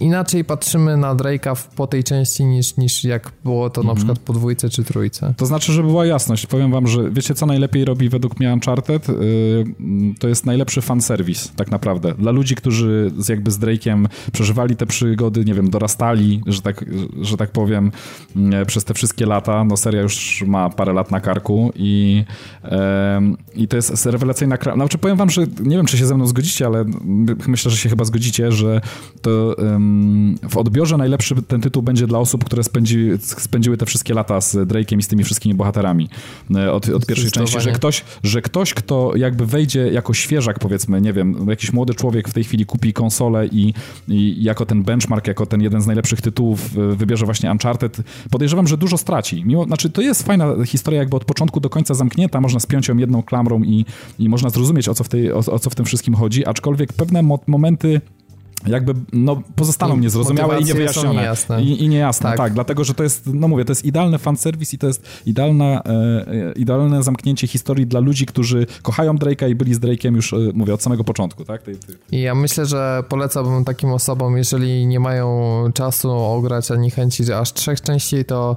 poleciłbym ograć dwójkę, i no, dwójkę przede obejrzeć, wszystkim, tak. I obejrzeć ewentualnie jakieś tam filmiki z trójki przerywnikowe, czy elementy fabularne i to takie minimum podstawy, które spokojnie wystarczy, żeby już y, jednak ten fanserwis też dla siebie móc zdobyć. Nie wiem, czy się Zresztą... zgodzicie ze mną tym. W tym tak, tak, jak najbardziej, jak najbardziej. Znaczy w ogóle e, śmieszne jest to, że tam jest fanserwis e, jakby na kilku poziomach, dlatego, że jest na e, poziomie e, właśnie miłośników serii, miłośników Uncharted, ale, ale również e, na przykład mamy fanserwis, e, jeśli chodzi o miłośników w ogóle twórczości Naughty Dog. Tutaj nie będziemy spoilerować, chociaż niektórzy już pewnie wiedzą o co chodzi, bo, bo i również tak. jeśli chodzi o ich twórczość, to tutaj są naprawdę niesamowite smaczki, ale jest i trzeci poziom jakby mm, e, fan, takiego fanserwisu, czyli um, samej marki Sony, tak? Bo tutaj również te, te motywy się jakby prze, przewijają, także to jest super w ogóle. To jest na, na kilku le, jakby na kilku różnych płaszczyznach, na kilku różnych levelach jakby mm, mamy fanserwis dotyczący i platformy, z którą była, były związane psiaki i samych psiaków jako firmy i, i, i um, Uncharted jako serii. Także to jest super. Ale wiesz co, jeżeli chodzi o znajomość Uncharted jako serii, to moim zdaniem to naprawdę idzie bardzo, bardzo daleko, bo no, ten, ten wspomniany już w naszej rozmowie przed nagrywaniem achievement, czy w zasadzie trofeum Marco Polo Returns, które jest bardzo mm. mocnym odniesieniem do dwójki, to jest raz, ale dwa, że w jedynce, nie wiem czy kojarzycie, był taki moment, kiedy znajdowaliśmy coś, co nazywa się Strange Relic, takie jajko rzeźbione i one powraca w czwórce. O proszę. Jako, mhm. jako jedna z rzeczy do znalezienia, co jest bardzo ciekawe. Oczywiście nie powiem w którym miejscu i to jest naprawdę bardzo wymyślnie ukryte. E, ale no to, to też jest fajne, że ja nie pamiętam, czy w poprzednich dwóch częściach czasami też tego nie było, ale wiem, że na pewno było w jedynce i teraz nagle jeden ze skarbów właśnie znowu jest tym samym, więc może doczekamy się jeszcze jakiegoś sequela. No, w każdym razie to tak, tak, tak, już trochę, trochę kończąc naszą dyskusję, myślę, że żeśmy naprawdę wiele aspektów ja powiem tak, e, ja zacząłem to, to może ja, ja skończę i wam też e, przekażę głos. Dla mnie to ja jestem mega oczarowany i to jest gra, która najbliżej jest dziesiątki, jaką chciałbym wystawić w ogóle z, ze wszystkich gier, jakie przynajmniej od dłuższego czasu ograłem, która jest grą moim zdaniem lepszą niż Uncharted 2. Ja, ja zaryzykuję to stwierdzenie. Moim zdaniem jest to gra lepsza niż Uncharted 2, która wiele właśnie rzeczy takich jak jazdy samochodami, czy właśnie to, że jest mniej akcji, e, więcej platformingu, że jest bardzo duży nacisk na eksplorację, na przygodę jest dokładnie w tym kierunku poszli, w którym mm, tak sobie życzyłem, żeby, żeby poszło, więc no idealnie trafia w mój gust growy. Mam nadzieję, że zakończenie będzie satysfakcjonujące. Jutro mnie czeka, jak już tego słuchacie, to prawdopodobnie mam przygodę za sobą. E, więcej to powiemy właśnie w takim małym spoilerowym e, ekstra podcaście. I naprawdę jestem mega ucieszony, że kupiłem grę na premierę, że dałem się zahajpować, gra jak najbardziej dostarcza. I jeżeli ktoś jeszcze jakimś cudem nie grał i ma jakiekolwiek wątpliwości, to marsz do sklepu, kupować, grać już teraz, tak, warto wydać nawet 250 zł na tę grę, po prostu warto, no to jest doświadczenie, które nie przeżywa się codziennie w życiu gracza i które naprawdę pozwala też na, na odtworzenie właśnie takiego efektu wow, który jest sprzed wielu lat, a w dzisiejszych czasach y, częściej niestety mamy zawody, że ta gra to już nie jest to co kiedyś, a właśnie Uncharted to jest nie dość, że to co kiedyś to jeszcze dużo, dużo lepsze, więc takie słowo podsumowanie ode mnie.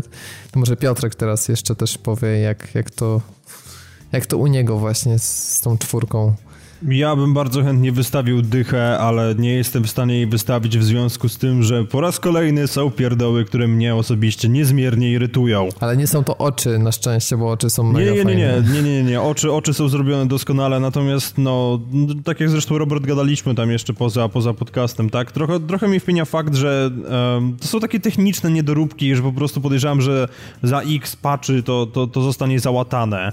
E, czyli typu tam, że momentami gęby nie są, nie są synchronizowane ze słowami, które są wypowiadane przez postać, tam może gdzie niegdzie jeszcze jakaś tekstura, coś nie, nie wskoczy, trochę to, że AI oponentów jest wyraźną kopią wziętą z, z The Last of Us. A nie wiem dlaczego to, to, że korzysta wiesz, z innych gier, to akurat ciężko że Nie, nie, nie, nie wiesz co, to nie chodzi, nie chodzi mi o to, że, że korzysta z tego patentu, chodzi mi o to, że ten patent nie jest wystarczająco mocno podciągnięty, bo The Last of Us, przypominam, było grą na poprzednią generację konsol i fajnie by było, to znaczy i tak jest pewnego rodzaju przeskok, oczywiście to widać, ale dalej po prostu jakby te AI nie, nie zachowuje się do końca tak, jakbym ja tego oczekiwał, ponieważ w momencie, kiedy sam wybiega bezpośrednio na przeciwnika i, i, i ten przeciwnik go nie zauważa albo jest w jakiś magiczny sposób po prostu zdejmowany przez sama, to, to jest dla mnie takie trochę tuszowanie po prostu. Ja rozumiem, że oczywiście nie można było doprowadzić do tego, żeby te AI było idealne i żeby zachowywało się tak jak prawdziwy człowiek, ale no to, to jest taki lekki zgrzyt, który mi osobiście troszkę przeszkadza. Ja jeszcze bym tylko dodał do tego, co mówisz, że system osłon nie zawsze działa tak, jakbym chciał i zdarzało się, że nie chciał się przykleić e, w to miejsce, które, które chciałem, żeby to zrobił. Ale tak, z drugiej strony jest, bardzo, to jest... to jest niestety drobny problem, natomiast bardzo fajnie, że zrezygnowano z tego, że pokazuje ci, gdzie masz się przylepić. Zdaje się, że Quantum Break z tego też już zrezygnował. Dobrze pamiętam, Szymon, mm -hmm, że tam tak, nie tak, było... Tak. Nie, nie to było, nie było. Mhm. Bardzo fajne, że gry z tego zrezygnowały, bo myślę, że to jest na tyle dojrzała mechanika, że nie wymaga wielkiego zielonego przycisku co każdą osłonę się wyświetlającego. No, jeśli chodzi o moje podsumowanie, to wstępnie już e, mogliście przeczytać. A ty Piotr skończyłeś? Przepraszam, że przerwać, no. bo tam o tych technicznych niedoróbkach skończyłeś już, czy jeszcze miałeś tam więcej? To znaczy, no tam jeszcze był delikatny problem moim zdaniem ze spawnowaniem się oponentów, którzy w momencie, kiedy mamy jakąś sekcję, którą możemy przejść po cichu, to w momencie, kiedy, kiedy jakby tak wystrzelimy i zwrócimy na siebie uwagę, przeciwnicy nas dostrzegą, to w tym momencie na granicach mapy w magiczny sposób spawnuje się dodatkowa armia. To jest trochę wpieniające. I, ale to, to też względem The Last of Us jest oczywiście podciągnięte, a tak poza tym, no to, to, to, to raczej nie. Może ewentualnie jeszcze to, że Drake nie zawsze, jak, jak jest ten, ten patent tak z tym, że on jest zanurzony w świecie i idąc dotyka ściany, to też nie zawsze działa tak jak powinno, że czasami się opiera o powietrze, ale to, to są naprawdę pierdoły i, i ogólnie gra jest, no, no ja kupiłem sobie w ogóle kolekcjonerkę i nie żałuję, naprawdę nie żałuję. Ja, ja postaram się może bardziej ogólnie spiąć e, to podsumowanie i powiem wam tak, że jeśli chodzi o aspekty wizualne, jeżeli gry miałyby nie osiągnąć już nic więcej, jeżeli to miałby być maksymalny poziom taki jak jest w Uncharted 4, to ja będę usatysfakcjonowany. Dla mnie gry już nie muszą wychodzić ładniejsze, bo Uncharted oferuje absolutnie ten najwyższy możliwy poziom. Tak, Dźwię... się. Znaczy, tak, Dźwię... że albo najwyższy mm. do dzisiaj i że nie wymaga lepiej, dokładnie. Nie, no. Tak, nie, gry dla mnie nie muszą być już ładniejsze, naprawdę. Uncharted Pełna jest przepiękne i, i, to jest super. E, udźwiękowienie tak samo, bo nie wspomnieliśmy tutaj przy, mm, e, przy, przy, przy tej naszej, przy tych naszych ocenach o dźwięku, a uważam, że muzyka jest e, i dźwięk, udźwiękowienie jest fenomenalne i fantastycznie wpasowuje się w ogóle w całą tą przygodę. Jest to jeden z najmocniejszych aspektów. Także audio, e, audiowizualnie absolutny top. Jeśli chodzi o fabułę, to tak jak mówiłem, no mam pewne zastrzeżenia. No podzieliłbym to na pół. Wykreowane postaci, relacje między nimi, teksty, smaczki, wszystkie mm, e, e, i te smaczki graficzne, jak i te smaczki właśnie w relacjach pomiędzy bohaterami, to jest absolutnie też najwyższa półka i kompletnie nie mam nic tutaj mm, e, do zarzucenia. Poza tym motywem pirackim, który, no mówię mi osobiście, ale to, to, to, to mówię, to takie moje prywatne odczucie. Mnie osobiście jakoś specjalnie nie przekonał, nie kupił i ja nie, nie czułem jakoś, że, że koniecznie już po połowie gry nie nie czułem tego, że koniecznie muszę poznać jakby e, koniec tej, histori- tej pirackiej historii i, i muszę odkryć ten skarb. To nie to mnie jakby motywowało do, mm, e, do ukończenia tej gry. Najsłabszym punktem Uncharted według mnie są e, i to, znaczy to też taki podział powiedzmy połowiczny, tak, bo z jednej strony mamy takie fajne smaczki jak, e, jak jeep, jak wyciągarka, jak, jak szpikulec, dzięki któremu możemy się tam wspinać i, i fajne rzeczy robić, jak ta linka, jak odpalanie, jak potrząsanie padem, żeby, żeby uruchomić latarkę, czy, czy, czy tego typu rzeczy. To są naprawdę fantastyczne części tej mechaniki, ale z drugiej strony no, pewne rzeczy mnie kuły, tak takie właśnie jak ciągłe wspinanie się, ciągłe zjeżdżanie na tyłku i, i ciągłe, ciągle, ciągłe przesuwanie tej skrzynki, o której mówiliśmy. Także... Ja się niestety, przepraszam jeszcze, że wtrącę, mhm. ale ja się muszę podpisać pod tym ciągłym zjeżdżaniem na dupie, bo to po prostu było mhm. irytujące i nie wiem ile par spodni Drake musiał przy, przy sobie mieć, żeby nie świecić mhm. gołym tyłkiem, ale to było przegięcie. Czułem po prostu w pewnym momencie, powiem wam, że to, od początku do połowy gry jakby było, było naprawdę rewelacyjnie, później czułem lekkie znużenie mechanikami i to jest tak naprawdę chyba mój największy zarzut do, do tej części e, I, i, i gdybym miał patrzeć jakoś tak obiektywnie, to no wiecie, no mechaniki są bardzo ważne, no tak jakby to, co wykonujemy w grze, mm, e, większość czasu, które spędzamy z grą, to jest właśnie korzystanie z tych mechanik i to, że one w pewnym momencie spowodowały, że czułem znużenie, uważam jako taki mm, no bardzo zły znak i, i, i wielki minus i, wielka jakby taka rysa na, na, tym, na tym diamencie, dlatego gdybym miał jakoś tak obiektywnie podchodzić do, to też bym nie wystawił jakby dychy tak? To nie byłoby 10 na 10, bo jednak było coś, co mnie irytowało i wierciło mi dziurę w brzuchu e, w wielu momentach, ale tu was zaskoczę, powiem wam, że mimo wszystko wystawię 10 na 10, ale na to tylko dlatego, że, że jestem fanem e, marki po prostu, a tak jak już też wcześniej było powiedziane, jest to tak ogromny fanserwis po prostu i taka ilość smaczków, detali i, i sam epilog, który, no tutaj Robert jeszcze nie mógł go docenić, ale myślę, że, że, że jak dojdzie, to po prostu no, szczęka mu opadnie do ziemi. To jest, e, to jest coś, co wynagradza, wynagradza wszystkie te wszystkie te niedociągnięcia po drodze i, i, i właśnie mówię, będąc fanem Uncharted jak najbardziej 10 na 10. No dobra, to tak już ostatecznie na koniec e, sadzę kij w mrowisko i cię zapytam, bo mówiłeś, że Quantum Break to twoje w ogóle najlepsze doświadczenie growe w życiu i po prostu praktycznie nie grałeś w lepszą grę. Tutaj tak. wspominasz, że Uncharted 4 też 10 na 10. To tak specjalnie na koniec. Quantum Break czy Uncharted? Która gra jest lepsza dla ciebie? Robert, e... w tym momencie to jest po prostu cios poniżej pasa, to jest tak jakbyś kazał człowiekowi wybrać pomiędzy jego prawą a lewą nogą. Wiesz co, to, to jest rzeczywiście to bardzo trudne, znaczy trudne pytanie. Yy, trudne do rozwinięcia, bo dla mnie odpowiedź jakby jest prosta, ale yy, dobrze, to ja postaram się bardzo szybko to tylko tak rozwinąć, jeśli, jeśli, jeśli już koniecznie musisz wiedzieć. Yy, mimo wszystko Quantum Break jako całość bardziej mi się podoba, ale to tylko dlatego powiem ci, bo o co chodzi. Technikalia w mm, Uncharted y, są, stoją na wyższym poziomie. Zdecydowanie. Z tym, że E, I tu jest pewien szkopu, dlatego że mimo, że te technikalia zostają na o wiele wyższym poziomie w e, Uncharted 4, to bardziej strona artystyczna Quantum Break mi się podoba. Czyli wiesz, te wszystkie zatrzymania czasu, te smugi światła, te mm, efekty mm, wszystkie związane z, tymi, z tym całym pierdolnikiem, który tam się dzieje. Ja po prostu bardziej lubię ten styl, bo wiesz, Uncharted to tak naprawdę no, najwyższa możliwa puła, jaką do tej pory widzieliśmy, jeśli chodzi o grafikę, e, ale jakby jakby to opisać. Ale nie ale łazimy tam po ale wielkiej jest, korporacji, ale, tak? To, ale, ale, to jest, ale to jest bieganie po krzakach, no po prostu, wiesz, a nie, wiesz, zatrzymywanie czasu e, e, facetów w jakichś e, super skafandrach z super zaawansowaną technologią. Ja po prostu bardziej wolę setting i, i, i to jest pierwsza rzecz, która decyduje, po, po drugie ja e, uwielbiam w grach e, E, historię i mimo mówię, że tak jak wspomniałem, mimo że Uncharted to jest niesamowity fanserwis i chyba najlepszy jaki może być, to tutaj jednak świeżość marki, e, setting taki bardziej SF, e, zagadnienia jakieś tam związane z fizyką kwantową, przemieszczaniem się w czasie, konsekwencji, jeśli chodzi o konsekwencje naszych poczyniań i tak dalej. Bardziej, że tak powiem mm, pociągają mnie tego typu motywy. I tylko tym to jest tak naprawdę spowodowane, bo, bo mówię, no na pewno nie mógłbym stwierdzić, że Uncharted jest y, gorszą grą dla mnie mm, od Quantum Break, e, e, przez to, że, że, że Quantum Break jest technicznie jakoś może na wyższym poziomie, bo to by była nieprawda. Także jak najbardziej technicznie Uncharted, ale jednak za całokształt, gdybym miał całokształt wziąć pod uwagę, to, to jednak Quantum Break ze względu na, na mój gust. O, po prostu.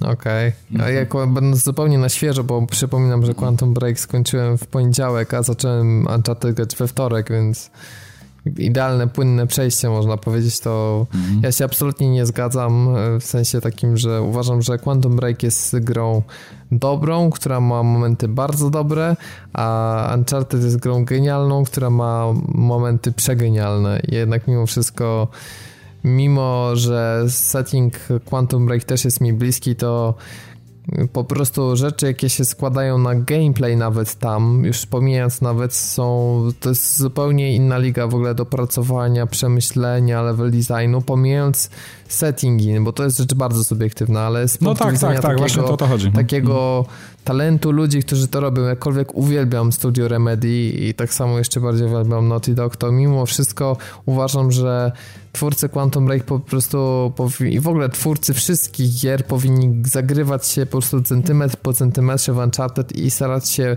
różne fajne elementy przemycić później do, do swoich gier i generalnie branża powinna jakby wykonać e, skok naprzód dzięki temu, bo no, no naprawdę zmieszczyli tym.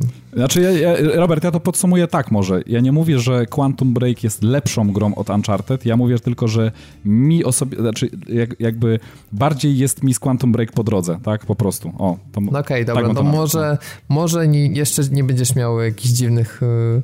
zakapturzonych ludzi pod domem, ani wiesz, ani obrzuconego pomidorami wejścia. Jest no. taka szansa po tym, co okay. dodałeś na koniec. Mm -hmm. No dobra, to chyba wszystko od nas. Powiemy jeszcze tak z dziennikarskiego obowiązku, że Są też premiery innych gier, na przykład Homefront The Revolution 20 maja, ale z ciekawszych rzeczy to możecie wejść na padtv.pl, naszego Facebooka, Twittera, Instagrama oraz na Retro Rocket Network i w Radiu GRM, gdzie również jesteśmy. Przepraszamy jeszcze raz za gościa niedzielnego, będzie za tydzień. I tak jak mówię, czytajcie te portale społecznościowe, jeżeli chcecie więcej Uncharted, bo tam dam informację, czy na pewno uda nam się we wtorek zebrać i nagrać e, właśnie takie jeszcze tam około powiedzmy pół godziny do 45 minut takiego DLC do podcastu, gdzie Spoilercast. Gdzie po prostu właśnie będziemy rzucać spoilerami niczym tuning w Need for Speedzie. No i Więc... głównie spoilerami fabularnymi, tak, że nie oszukujmy się, bo mechaniki to chyba już dosyć dość mocno omówiliśmy. No, no nie będziemy spoiler, spoilować niczego związanego z samochodami, bo tam mamy tylko do czynienia z napędem 4x4 i z terenówkami, więc jakby... Więc nie ma tam spoilerów, można powiedzieć, w tym zakresie. E, tyle ode mnie. Na koniec e, podziękuję i wymienię naszą e, resztę ekipy, czyli Piotrka Modzelewskiego. Dzięki za nagranie. Dzięki wielkie. I Szymona Zalichtę. Trzymajcie się ciepło, cześć. Do usłyszenia za tydzień, hej lub za 3 dni, jeżeli nagramy spoilercasta.